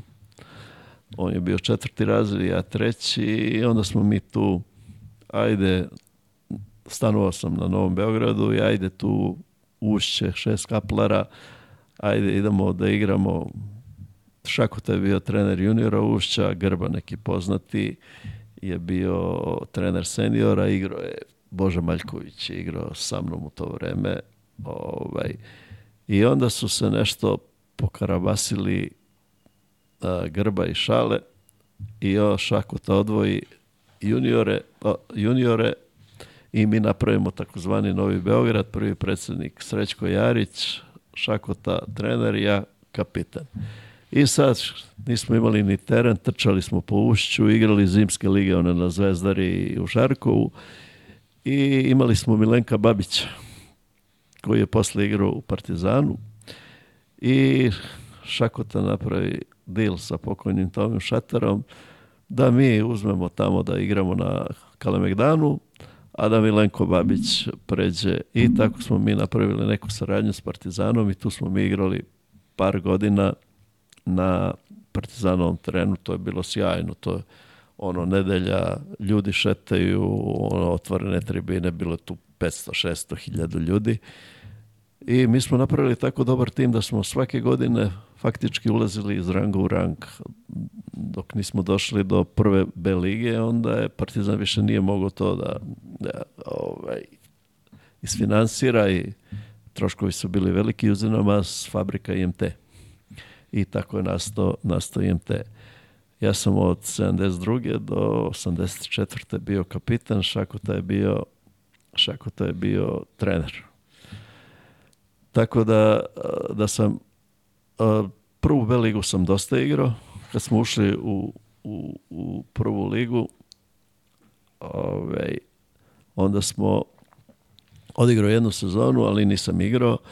Onda sam odlučio da pređem i prešao sam u Spartak iz Subotice. Tu sam odigrao u Vojvođansku ligu, pa smo pre, ušli u prvu B. Pa sam onda odigrao pod vodstvom Janka Lukovskog jednu godinu u Spartaku, pa sam prešao u Vršac, a onda smo isto igrali Vojđansku ligu, pa smo ponovo ušli u prvu B, tu je bio Dule Kerke sa mnom, Radivoje Živković, Žulović i onda smo pod Ciga nam je bio trener pokojni Ciga Vasović, onda smo igrali prvu B ligu. I onda se dešava nešto što, što je redkost, mislim svi znaju za Željka, da je Željko iz košarkaških batika postao trener Partizana. Ja sam ovaj, igrao košarku i završio fakultet i radio. I ovaj, trebao sam da te ovaj, 88. kad sam završio karijeru, trebao sam da pređem u Jugohemiju da budem direktor neki, pošto sam bio direktor u zavarivaču iz Vranja eh, u, u Beogradu. I ja pregovaram da pređem i zove Šakota kaže, aj dođi i on i Toma Šatara kaže, ćeš da budeš trener IMT-a. Bez jednog dana staža, bez ičega, samo hoćeš da budeš trener. Ja sad gledam na Šakota ide u Zadar. Šakota prelazi u Zadar i sad ću ja traži mene da budem pomoći. Ja odem sa porodicom, pričam, znaš, ono, nikad nisam bio trener, naš trenerski ovo, ali je, mnogo volim, ja reko, nazovem ovoga druga u Jugohemiji koji, s kojim sam pregovarao, rekao se ti ljutiš, ne, evo, dolazim kod tebe, ja kažem šako ti, što mi šatari, preuzimam INT, uz, ulaz, uzimam Solija Milovanovića, mog velikog prijatelja za pomoćnog trenera koji je iskusniji bio, Posle on otišao u Katar, pa mi je bio pomoćni slovenac, uh, Minić. Minić, tako krene prva sezona odlična, druga sezona smo ostali bez nekih igrača, ali smo se spasli u play-outu. Treća je bila fantastična, bili smo peti, sve smo, izuli smo Olimpiju tamo sa Zdovcem i sa ovome, sva što smo radili. S tim da druge godine sa jednim onako prilično limitiranim timom smo dobili go plastiku. Wow. Imali smo petorku, Vlada Dragutinović, e, Zoran Krečković, Rade Milutinović, Ljubisav Luković i Slaviša Koprivica. Jugoplastika, Kukoč, Rađa, Zoran Savić, Perasović, Sretenović i mi ih dobijamo. Tamo ili ovde? ovde. Ovde? Jedan razlik. I ovaj, sudio Čerko Ramusović pokojni. I, i, I Grbac je bio. I mi ih dobijemo, ja mislim da je to... A oni... A, to je bila subota, a oni u sredu igraju McDonald's sa Chicagom, sa Jordanom. A meni uvek startovao neki maglica, niko se ni ne seća, neki, neki dečko iz Slavonskog broda, neki Tako, znači to je bila jedna, jedna fantastična, ali sledeća sezona mi smo igrali, ljudi moji kako je to bilo, Vlada Drugutinović, Slaviša Koprivica, igrali smo, bili smo pre Zvezde i, i Partizana, čini mi se Cibona bila prva, mi smo tu, tu bili, tu bili negde. Ali, ovaj, kad smo se spremali za plastiku, znaš, sad je bilo pitanje ko da čuva ovog, a, ko da čuva kukoča. Znaš, i onda se ja setim, to je bilo onako malo da ih razgalim, znaš, ono sve, i ja im ispričam anegdotu sa mutom, znaš, kaže, šakote, muta nije igrao u IMT-u i nezadovoljan. I sad se povredio srećko, Jarić i to. I Šale kaže njemu, muto, igramo s jugoplastikom, dajem ti šansu sada, čuvaš kukočana. kaže, kaže muta, dobro. I sad završi se utakmica i muta kaže, provalio sam kako se čuva kukoč. Kaže, kako? Kaže, jedan zonu, a četiri na kukoča. Recept kako se čuva i naravno opustio sam malo atmosferu u slačionici i to je, ovaj, došli smo do neverovatne pobede. To je bilo ja ne znam da li je ne, nekad razlika u kvalitetu toliko bila na strani jednog tima kao što je u to vreme bila Jugoplastika tri, tri put za redom evropski prvak uh, ono i ono mi ih dobijemo ovde mislim to je stvarno bilo iznenađenje Au, kakav podvik. Uh, e, malo pre si pomenuo, znači ti si imao opciju da biraš trenersku karijeru i državni posao. Jeste rekao si da, da si imao razgovore, koliko je to, pošto ovdje svi smo vezani i dan danas za državni posao, pusti sve ostalo, državni posao je sigurica, koliko je teško, je bilo tu nešto ovaj, i familija da je rekla, nemoj, desi? Ne, ne, ne, jer ja sam ovaj, a, e, to odlučio, svi su znali u familiji koliko sam ja vezan za tu košarku i, i sve to, a i polako sam nekako počeo da ulazim u neki privatni biznis. Znaš, meni je to bilo, eh, ja sam 89. otvorio prvi privatni Levis shop. Kako u Jugoslaviji. Levi, Levi's, Levis, Levis shop. 89. Moj, moj farmerki, moj kolega moj prijatelj iz Zagreba je bio direktor e, Levisa u Varaždinu i on meni kaže, hoćeš da otvoriš Levis u Beogradu. Ja kažem, hoću. Znaš, i tu, su, tu sam ja, nije meni to predstavljao problem.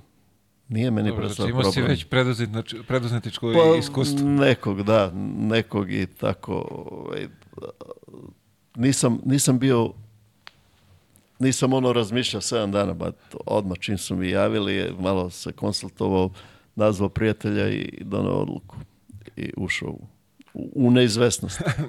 A zanima me sad, e, šop kako je funkcionisao? Tad je to bilo čudo. Ko nosi Levis, to je... Pa to 501. 501, 501 da. da. Čekaj, bilo je još nešto, 501 i... Pa ne znam, ali 501, 501 je... Najpo, da, da, ono, popularniji pozor. Mm -hmm.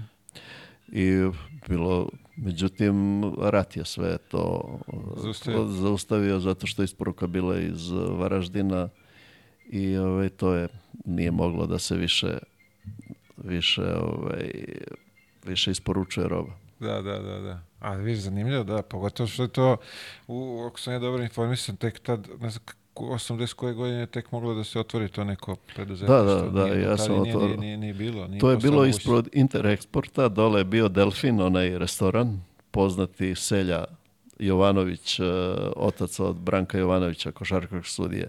To je bilo kultno mesto i tu smo mi imali Levis shop. Jedno, prve, prvi dan ja dolazim iz Zenice, ujutro treba se otvori shop, to je moja supruga vodila, treba da se otvori šop. 300 ljudi ispred, ispred radnje. Čeka. Mi kad god smo imali 501, eh, to je red bio ispred radnje. To nije moglo da... Kut, se pravi to i dalje, taj 500 keca? Pa pravi se, ali to... Ali to nije... To nije više to. Nije to, više to. to, da. Tako da... 500, Popova. Čuo sam sto puta za njega, nikad nisam imao prilike ovaj, da dakle, ga kupim. Ja i dan Nisam danas nosim 501. U, u mogućnosti posle naglo, naglo izrasto. nema, znaš, nema, nema, ne, to ne može, ovaj, to samo za, za ove, vas u, u, standardnim dimenzijama. Mi sve što je preko smo ovaj, uskraćeni za te neke stvari. A, a imaš ti ovde isto u tad Jugoslavija već angažmana pre nego što si se ovaj, otisno preko, što bi se rekla. A, ovo me zanima, ka, ka, ka, kako do, dolazi taj moment da, da, da izađeš preko, preko granice, što bi se rekla? Pa dobro, ja sam bio od 91. do 95. 6. pomoćni trener u reprezentaciji, pomoćni trener kod Dude Ivkovića i onda sam ovaj, prvi put sam se otisnuo u Grčku. Eh, bio sam trener Pankratija, to je bila prva liga. Prva liga i to je bila jedna dobra, dobra sezona. Duda je bio u Pauku, Đuro je bio u Arisu i tako, to su bili eminentni naši treneri. Ja sam poveo Slavišu Koprivicu kao stranca. A on je kod tebe? On je, da? da, on je prvo, prvo bio kod mene i onda sam promenio mi se gazda na kraju sezone i nismo produžili ugovor i vratio sam se u Spartak i Subotica tu kao trener, pa sam bio igrač.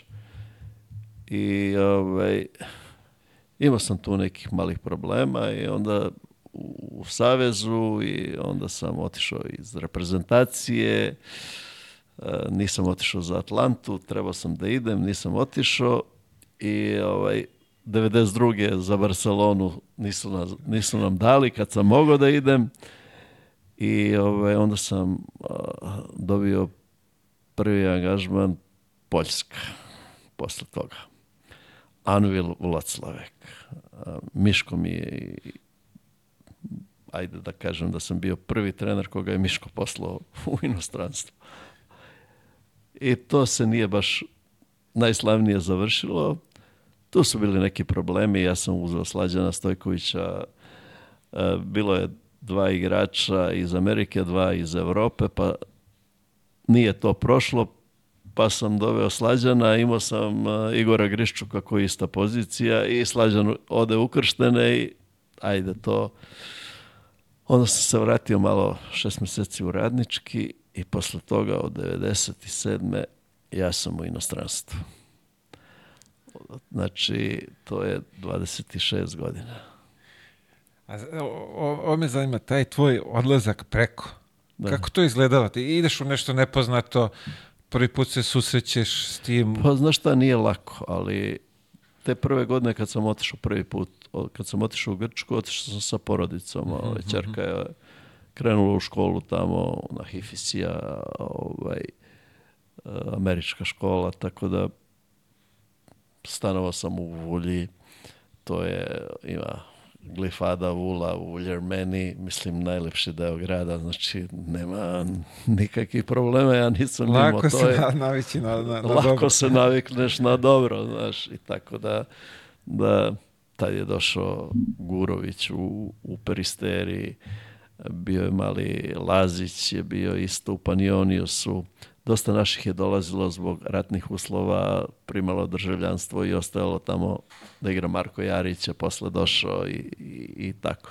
Znači, taj neki problem sa adaptacijom, a ja sam ovaj, najgore ti ako počneš da razmišljaš nešto kao homesick, onda si, onda, da, da. onda ne, onda nema onda šanse da preživiš. Da, prvi problem koji imaš sa timom i ovo ti si gotov, mislim, i tako to, znaš, ta, moraš se organizuješ, moraš dobro da se organizuješ, da imaš život približno kao i ovde. znaš, sad to, ja sam dugo bio sa familijom, zadnjih godina ne idem sa familijom, zato što je, što je čerka radi, unuk eh, već veliki, tako da, da ne idem, ali to je sve navika, ali moraš dobro da se organizuješ da bi mogao da, da, da funkcionišeš. Apsolutno. Uh, 97. si spomenuo odlazak i posle toga 20, 20, kako se 26 godina si da. preko. Uh, kako je taj kažemo zvanični odlazak preko na, na te duže, kako, kako se desio?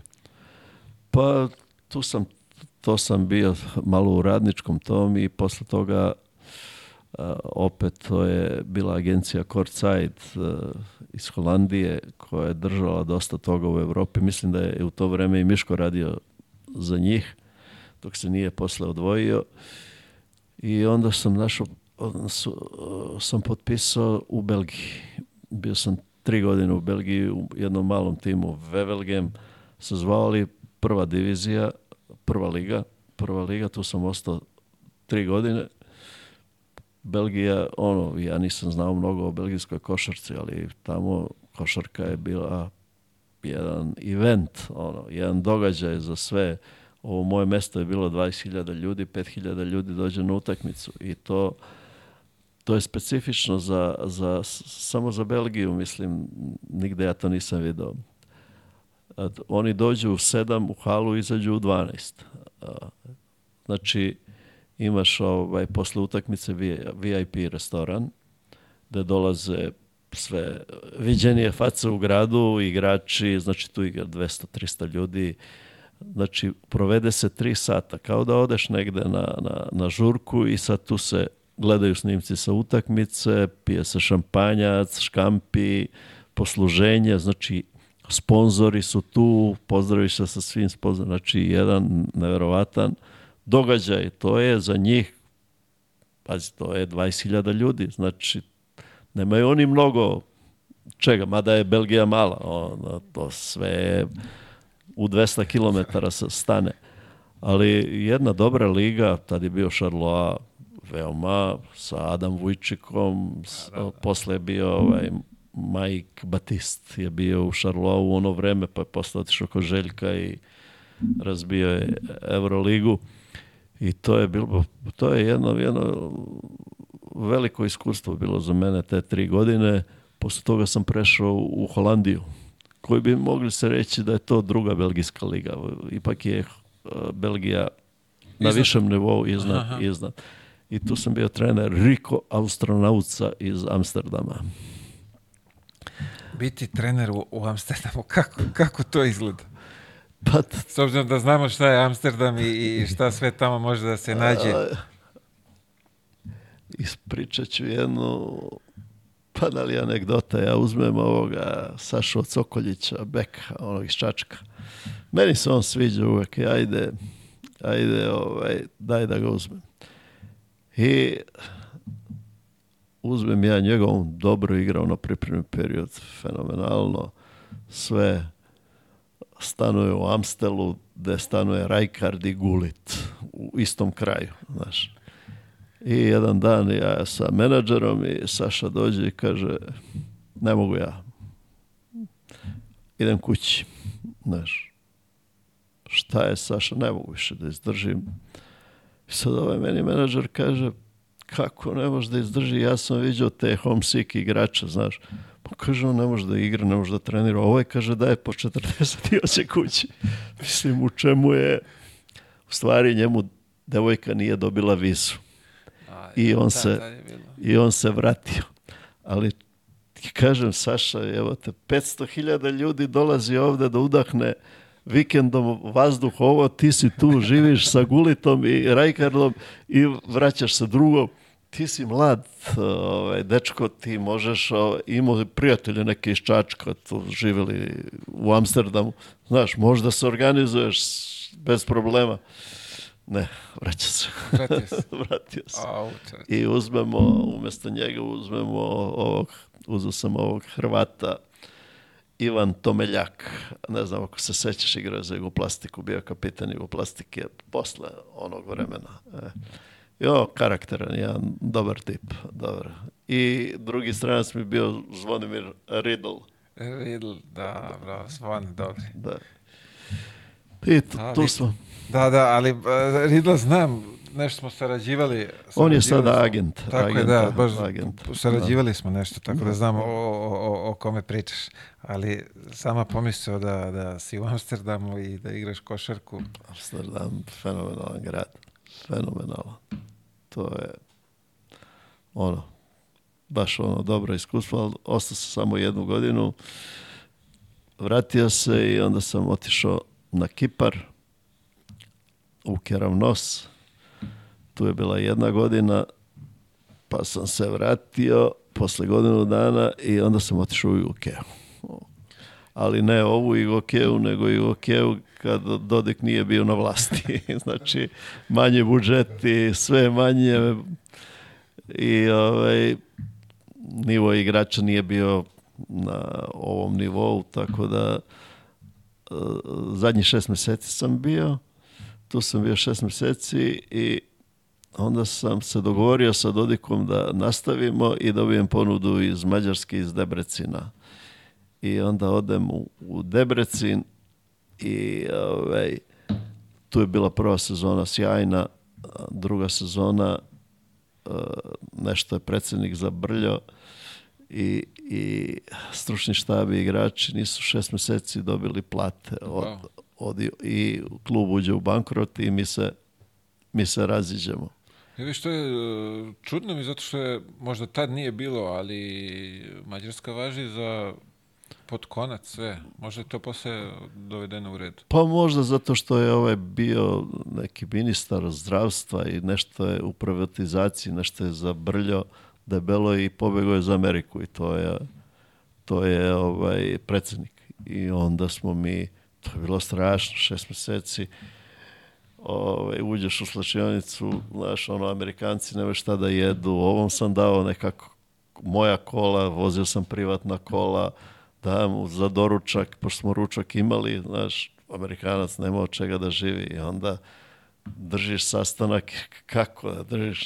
Kakva motivacija. Kakva to? motivacija, znaš, samo sam rekao da me čeka, aj ne seri bre, više, nemam šta da jedem, znaš, kak, šta, šta možda me motivišeš? Teško je, mislim, to je, mislim, ljudi ne znaju to, ali i to mi je bio neki Harris uh, igrač koji mi je igrao u Belgiji, onako dobar momak i sve to, ali ne možeš šest meseci da, da, da živiš da, da, da, bez, bez, bez para.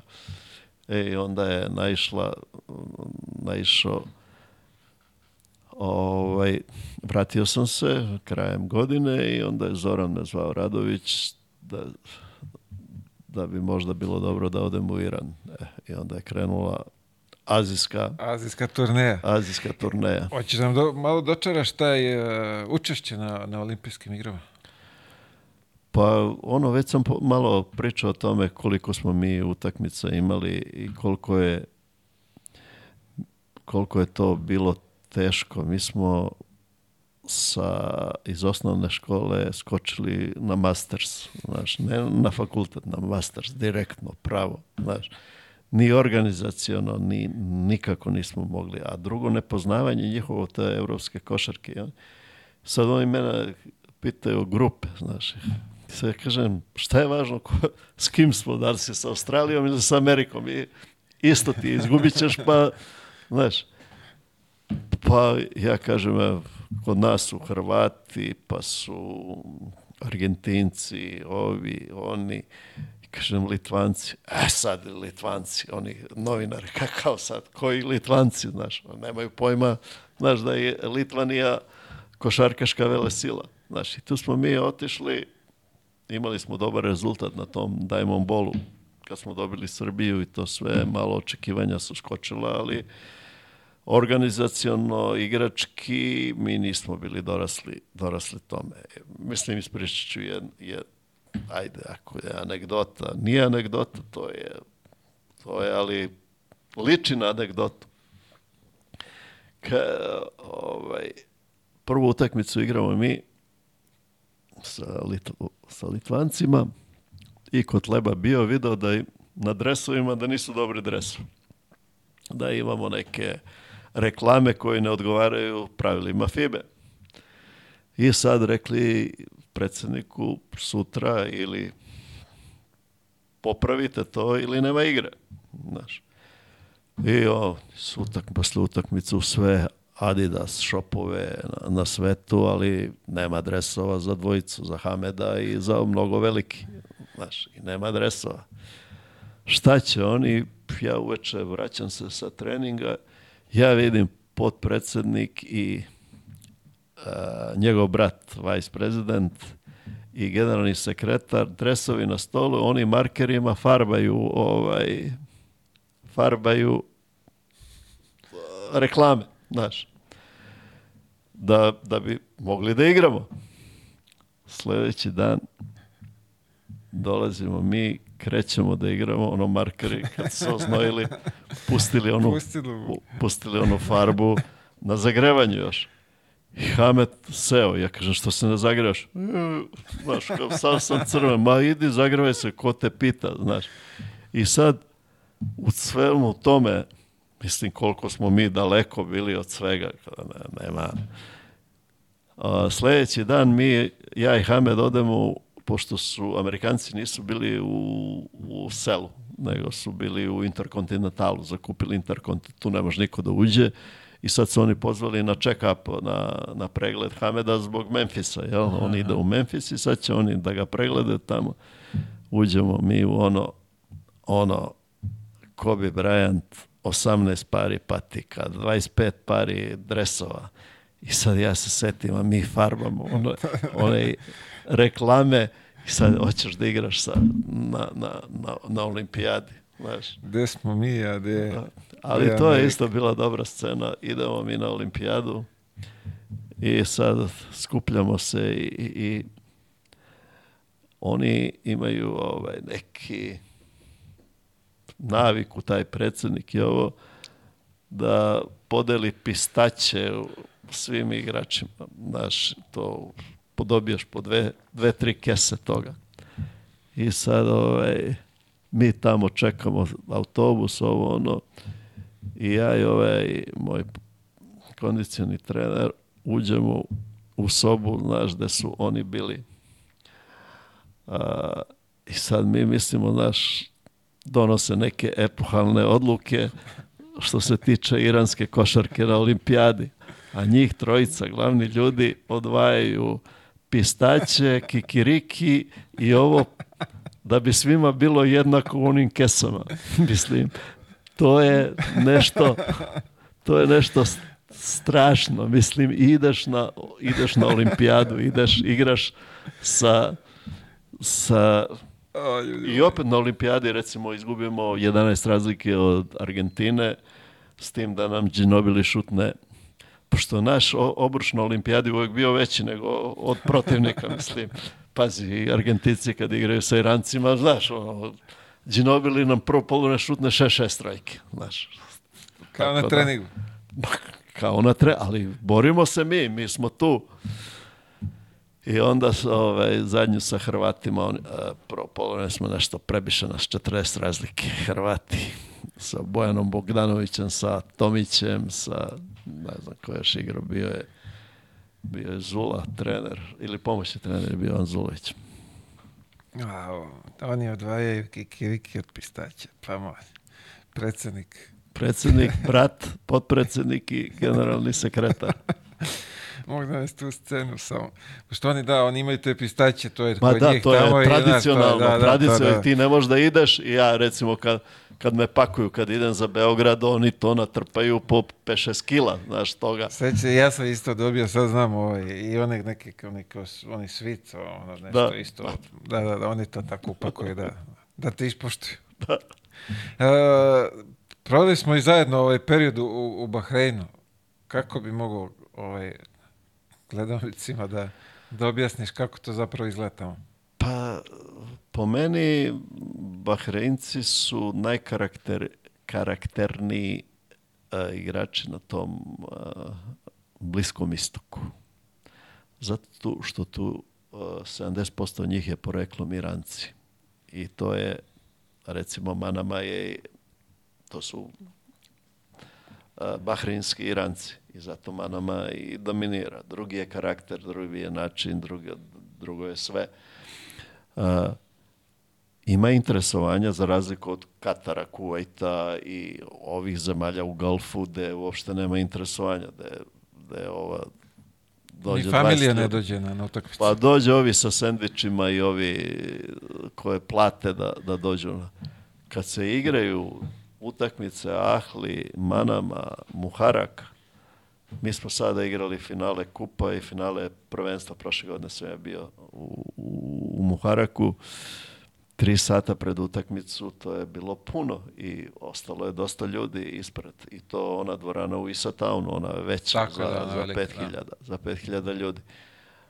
Znači, oni imaju, imaju nešto, oni su možda e, kao domaći igrači, ne govorim, recimo Katar koji ima dosta Afrikanaca, ali kao original domaći igrači, oni su najperspektivniji najperspektivnija košarkaška zemlja u tom, u tom regionu. I sad se pojavili par mladih igrača, a, to je ovaj Mustafa koji je bio u Americi, nešto na srednjoj školi, međutim vratili su ga, koji je izvanredan igrač za te uslove i, i brat onog sudanca Amira, ovaj, koji je na NCAA 1 ne igra, na, na, ne igra mnogo, ali za Bahreinca kad igra NCAA to je to ipak mnogo znači. Znači oni imaju neku, neku perspektivu i napravili su fantastičan rezultat. Oni s Kinezima igraju egal utakmice. S Kinezima egal, izgubili u, u Bahreinu u produžetku.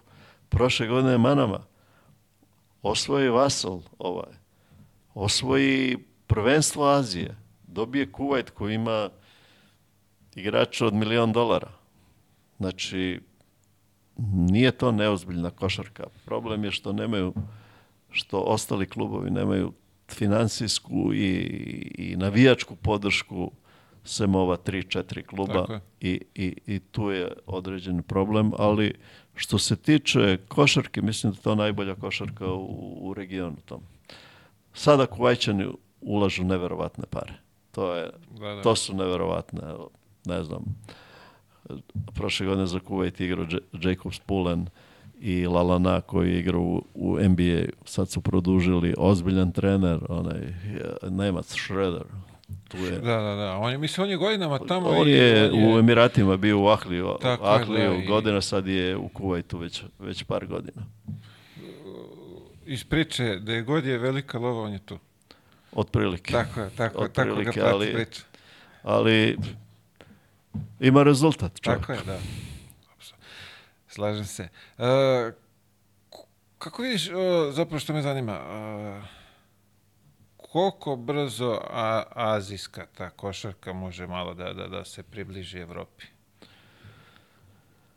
Pa, vrlo teško. Mislim da nema šanse nikako? Teško, teško. Sad je najbolja košarka se igra u Japanu. Japanska liga je otišla, otišla strahovito gore i sa parama i sa dobrim strancima i dobri igrači odlaze tamo. On, znači jedna ozbiljna organizacija. Kinezi su pali, e, vrlo teško će da se, da se vrate. Ja mogu da ljudima objasnim fenomen kineske košarke. Znaš, ovaj, oni su promenili sve žive trenere. I Litvanci, i, ovaj, i ona, i Kurta, i Murta, svi su tamo bili. I rezultat uvek isti. Znači, malo trebaš da razmisliš da nije možda do njih, a ne do, do trenera. Bio je i ovaj, Litvanac, Kazlukas, da, Kazlukas da, da. bio je Del iz nba bio je Janakis tri meseca, bio je drugi Grk, sad je Saša Đorđević. Sve je isto. U čemu je problem? Problem je u sistemu. Šta rade oni? Oni talentovano dete od 12 godina u Vuku, u, u dorm, jel, u, dovedu ga, odvoje ga od roditelja, ne ide u školu, samo trenira. Sa 12 godina. On sa 17 godina kad vidi teren, on povraća. Jel? Da, da, zasiti se. Prezasićenost. Pretreniranost pretreniranost. On u 6 sati trči. U 9 ima prvi trening i teretanu, u pola 12 jede, u 3 ponovo trenira, u 7 ponovo šutira. Znači, ju, ju, ju, to je... Pa ja kad sam došao, ja, oni se samo boje da ne rade dovoljno. Ja kad sam došao tamo u Tianjin, i sad igramo turnir, posle 5-6 dana igramo turnir, četiri grada, četiri tima, 12 utakmica u, u 4 dana, sa putovanjem. Posle... 12 utakmica u 4 dana? Da. U četiri grada po tri utakmice, četiri tima. I sada, ovaj, oni, znaš, ja sav sretan, nismo se povredili, znaš, nemoguće. Dođem ja, ja im dam dva i po dana odmora, GM kaže, coach, Mnogo. Mnogo. Nema, ne može. Mnogo. Ovaj, kad smo imali sastanak CBA-a, profesionalne lige, bio predsjednik, kaže, ovaj, kaže, izgubili smo sve na olimpijadi po 40, 50, moramo pojačamo rad. A oni otišli, šest mjeseci se pripremali, dva mjeseca bez lopte, samo, samo trčanje i teretana ubiše se ljudi. Ubiše bio onaj Grk, jedan, ne znam kako se zove, ovaj, bio tren. Znači, oni se samo, oni su pretrenirani, jer oni pokušavaju da a, model, sistem individualnog treninga prenesu na kolektivni sport, na, na igru sa loptom. Ti kad skačeš sa tornja, ti to možeš hiljadu puta dnevno. Dovedeš robotika, dovedeš do perfekcije. Ali ne možeš ti... Ja kažem njima, ja ću ostati u sali šest sati, nije problem. Da ja znam da to ima neku svrhu, jel? Da je to za boljitak tih igrača. nema to je kontraefekat. Koliko je rad, koliko je problem rad, eh, važno raditi, toliko je važno odmarati se, odmoriti to telo. Ne, oni su... Ti nećeš da vidiš kineskog igrača da uđe u salu i da šutne loptu kao Litvanci uvek, jedan drugom u loptu, pa ko će da prvi. Ovaj neće, ovaj čeka pištaljku, on radi, nije problem, ali to je, čeka. nemaju, da, da. ono, nemaju strast prema košarci i to ih ubija i ubija ih što ne idu u školu, što nemaju socijalni život i što nemaju na kraju IQ košarkaški. Ti kad gledaš ima neki tamo gao, playmaker, ti kad ga gledaš, znaš šta je on za te da osjeća? kad ga gledaš ono pojedinačno, šut, individual tehnika i ovo, brzina, skočnost i ovo sve, pa on je vre genije. Kad dođe igra, ovo, Teodosić 20 puta bolji igrač od njega. Je, znaš, oni su pretrenirani. I veoma teško se postižu... Ovaj, čudi me sad više iz te tvoje priče, me čudi Jao Ming je tamo na čelu svega toga, da, da on i čovjek koji je bio u Americi, da, da nije video Mislim, video je, ne, ne razumem kako to ne može da primeni ovamo. Ipak je on pa, ime i... Pa on je sve u, sada u, u kineskoj košarci. Pa do da. pre par godina oni su testirali igrače, CBA testira igrače za ligu. Ako ne prođeš test, ako 17 puta širinu terena, ako ne pretrčiš za dva minuta, ne igraš ligu. Pa mislim, to, to su, to su takve, takve. I onda, znaš, dovedu fantastične strance, onda pravilo e, dva, dva stranca, četiri četvrtine, znaš, jedan može da igra... Da, ima neko, da, neka... U prvoj jedan može... u, u zadnjoj mora da igra, može da igra samo jedan na terenu. U dve četvrtine mogu dva, a u dve četvrtine jedan. I sad, a u zadnjoj može jedan da igra. I sad ti, obično, znaš, svi ti timovi uzimaju jednog malog, jednog velikog i sad ti obično, naš mali igra zadnju četvrtinu i sad ti kad ono, treneri, ono, obično kreneš, udvajaš, utrajaš onog Amerikanca i sad ovi iz frižidera igrači koji nisu šutnuli, ovaj šutni 35 lopti i ovaj, sad oni iz frižidera treba da pogode. Znaš, i onda, i onda kaže, jebi ga, dao sam im, dao sam im, ali da, ništa da, da, se ne dešava ništa se ne dešava. I tu je, ja sam imao igrača, Hamed nije igrao tu utakmicu u Sičuanu, uh, Franklin se zvao, imao je 74 poena, 12 skokova, 11 asistencija, 10 ukradenih lopti, uh, indeks 95 i mi izgubismo. smo. oh, majko. Strašno. Oh kako je to košarka i šta je to? Ju, ju, ju, ju. Užas. Ali stvarno mi je jasno da i Min koji je bio u NBA-u i video sve to da ne može to da postroji malo. Mislim, ok, mnogo je tu ljudi, sve to verovatno neki lanac, ali ne, ništa mi nije jasno. Uh, reci mi ovako, možda mi izdvojiš nekog najtalentovanijeg igrača ko, koga si trenirao? Pa šta ja znam, mislim dobro ovo o reprezentaciji Kukočaraća, to nećemo da, da, ovaj, da spominjemo, ovaj, ali ovako, pa ne znam ko, ko bi to mogao da bude.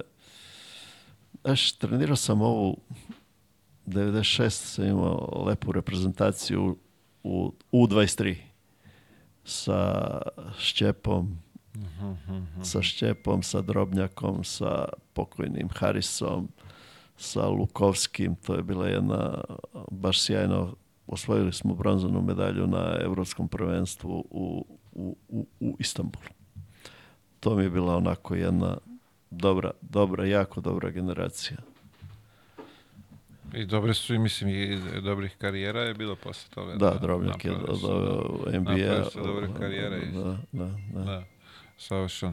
Uh, pošto imamo za, za budućnost naše košarke, unuk je tu, polažemo sve nade u njega. pa dobro, mislim, on je talentovan, igra za Partizan, igrao je na Evropskom prvenstvu, Evropskom prvenstvu za juniore, za U16, tako da, da vidjet ćemo kako to, u kom smeru će da krene. Ima oko 2 metra, igra na poziciji 2-3, je šuter, tako da genetiku ima dobru.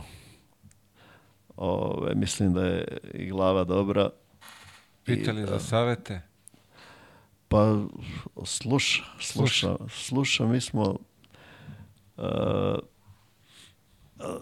on je bio u radničkom, znaš, i tu sam ja ovaj, radio zajedno sa trenerom. Nas dvojica smo zajedno radili. Kad god sam ja ovde, išao sam na treninge radničkog i tu sam im, tu sam im pomagao u smislu načina treniranja i, i taktike i sve toga.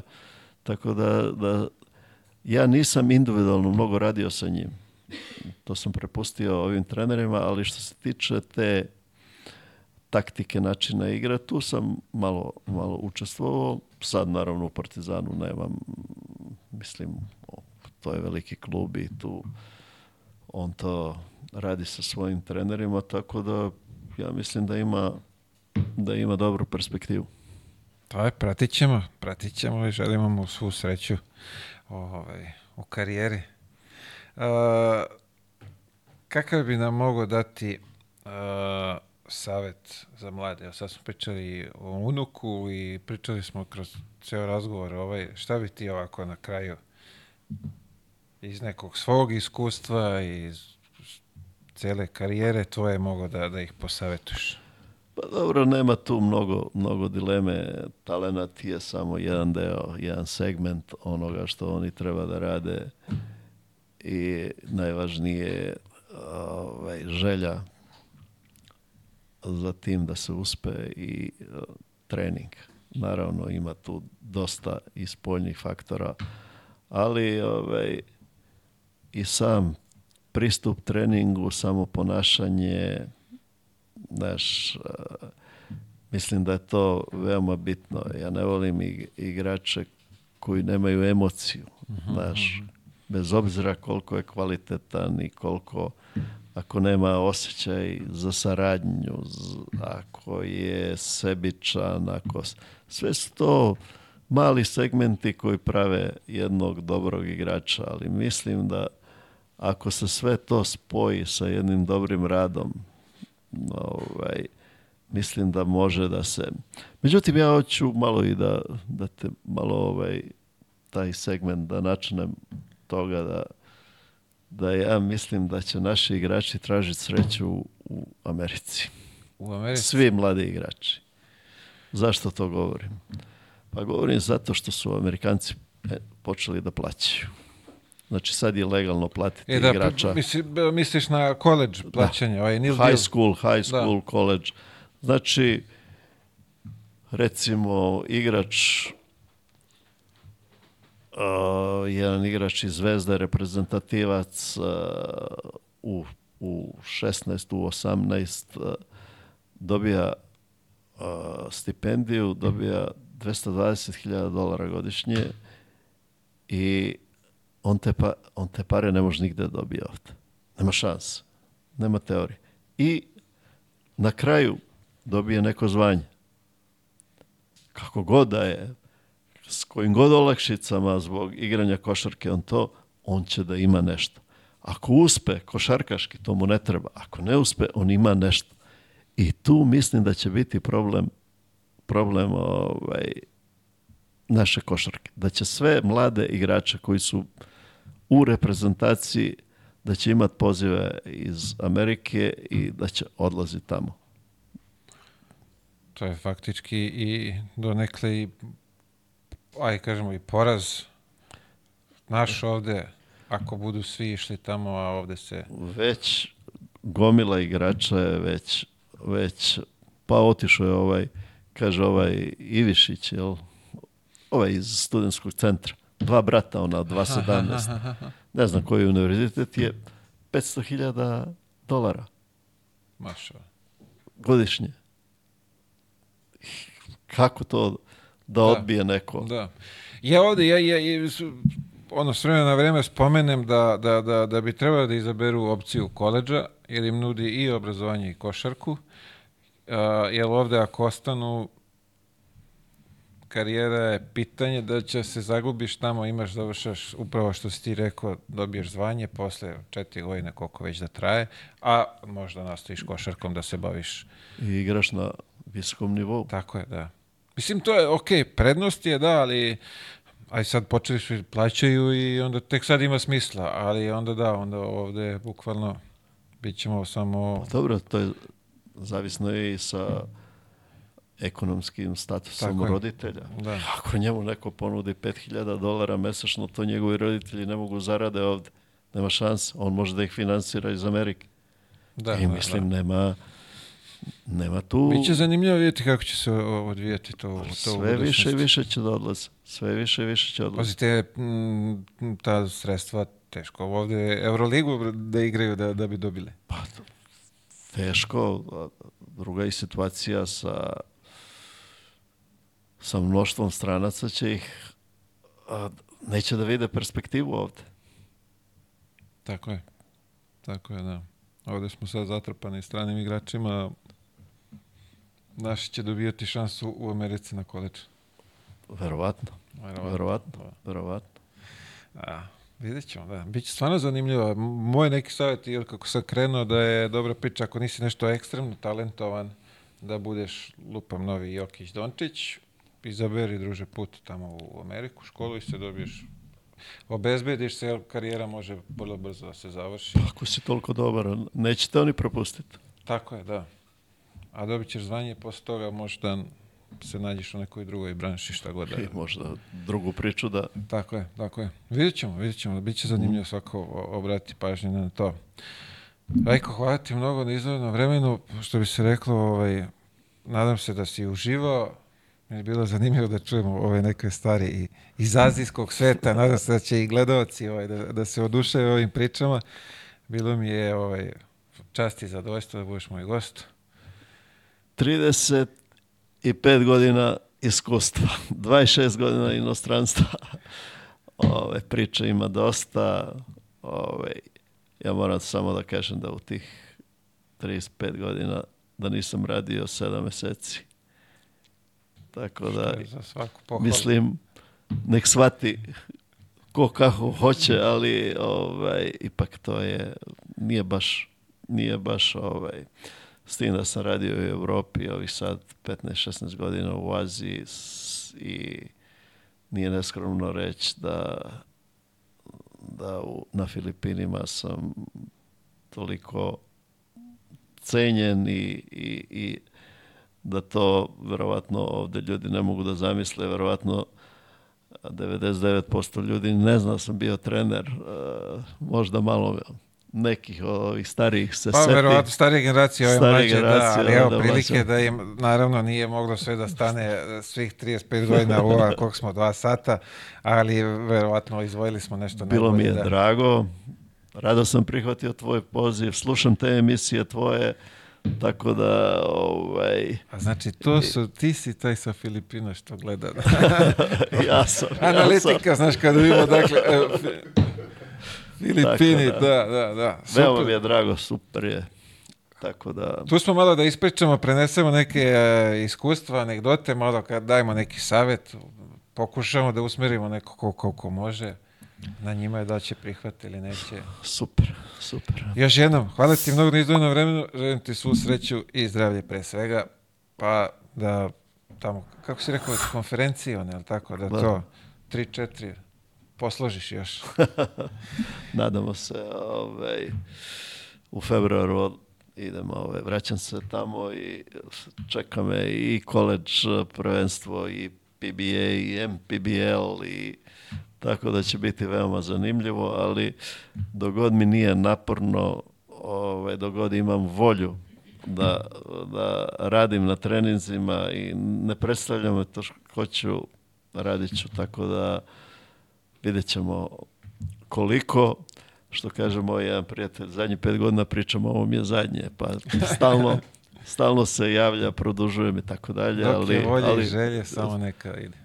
Tako da, ne osjećam se, ovaj, ne osjećam se potrošenim da ne bi mogao da pomognem posle toliko godina uh, trenerskog iskustva. Hvala vama na pozivu. To je Dragi gledalci, bio je to Rajko Toroman, a mi se vidimo već sledeći sred. Svako dobro i pozdrav.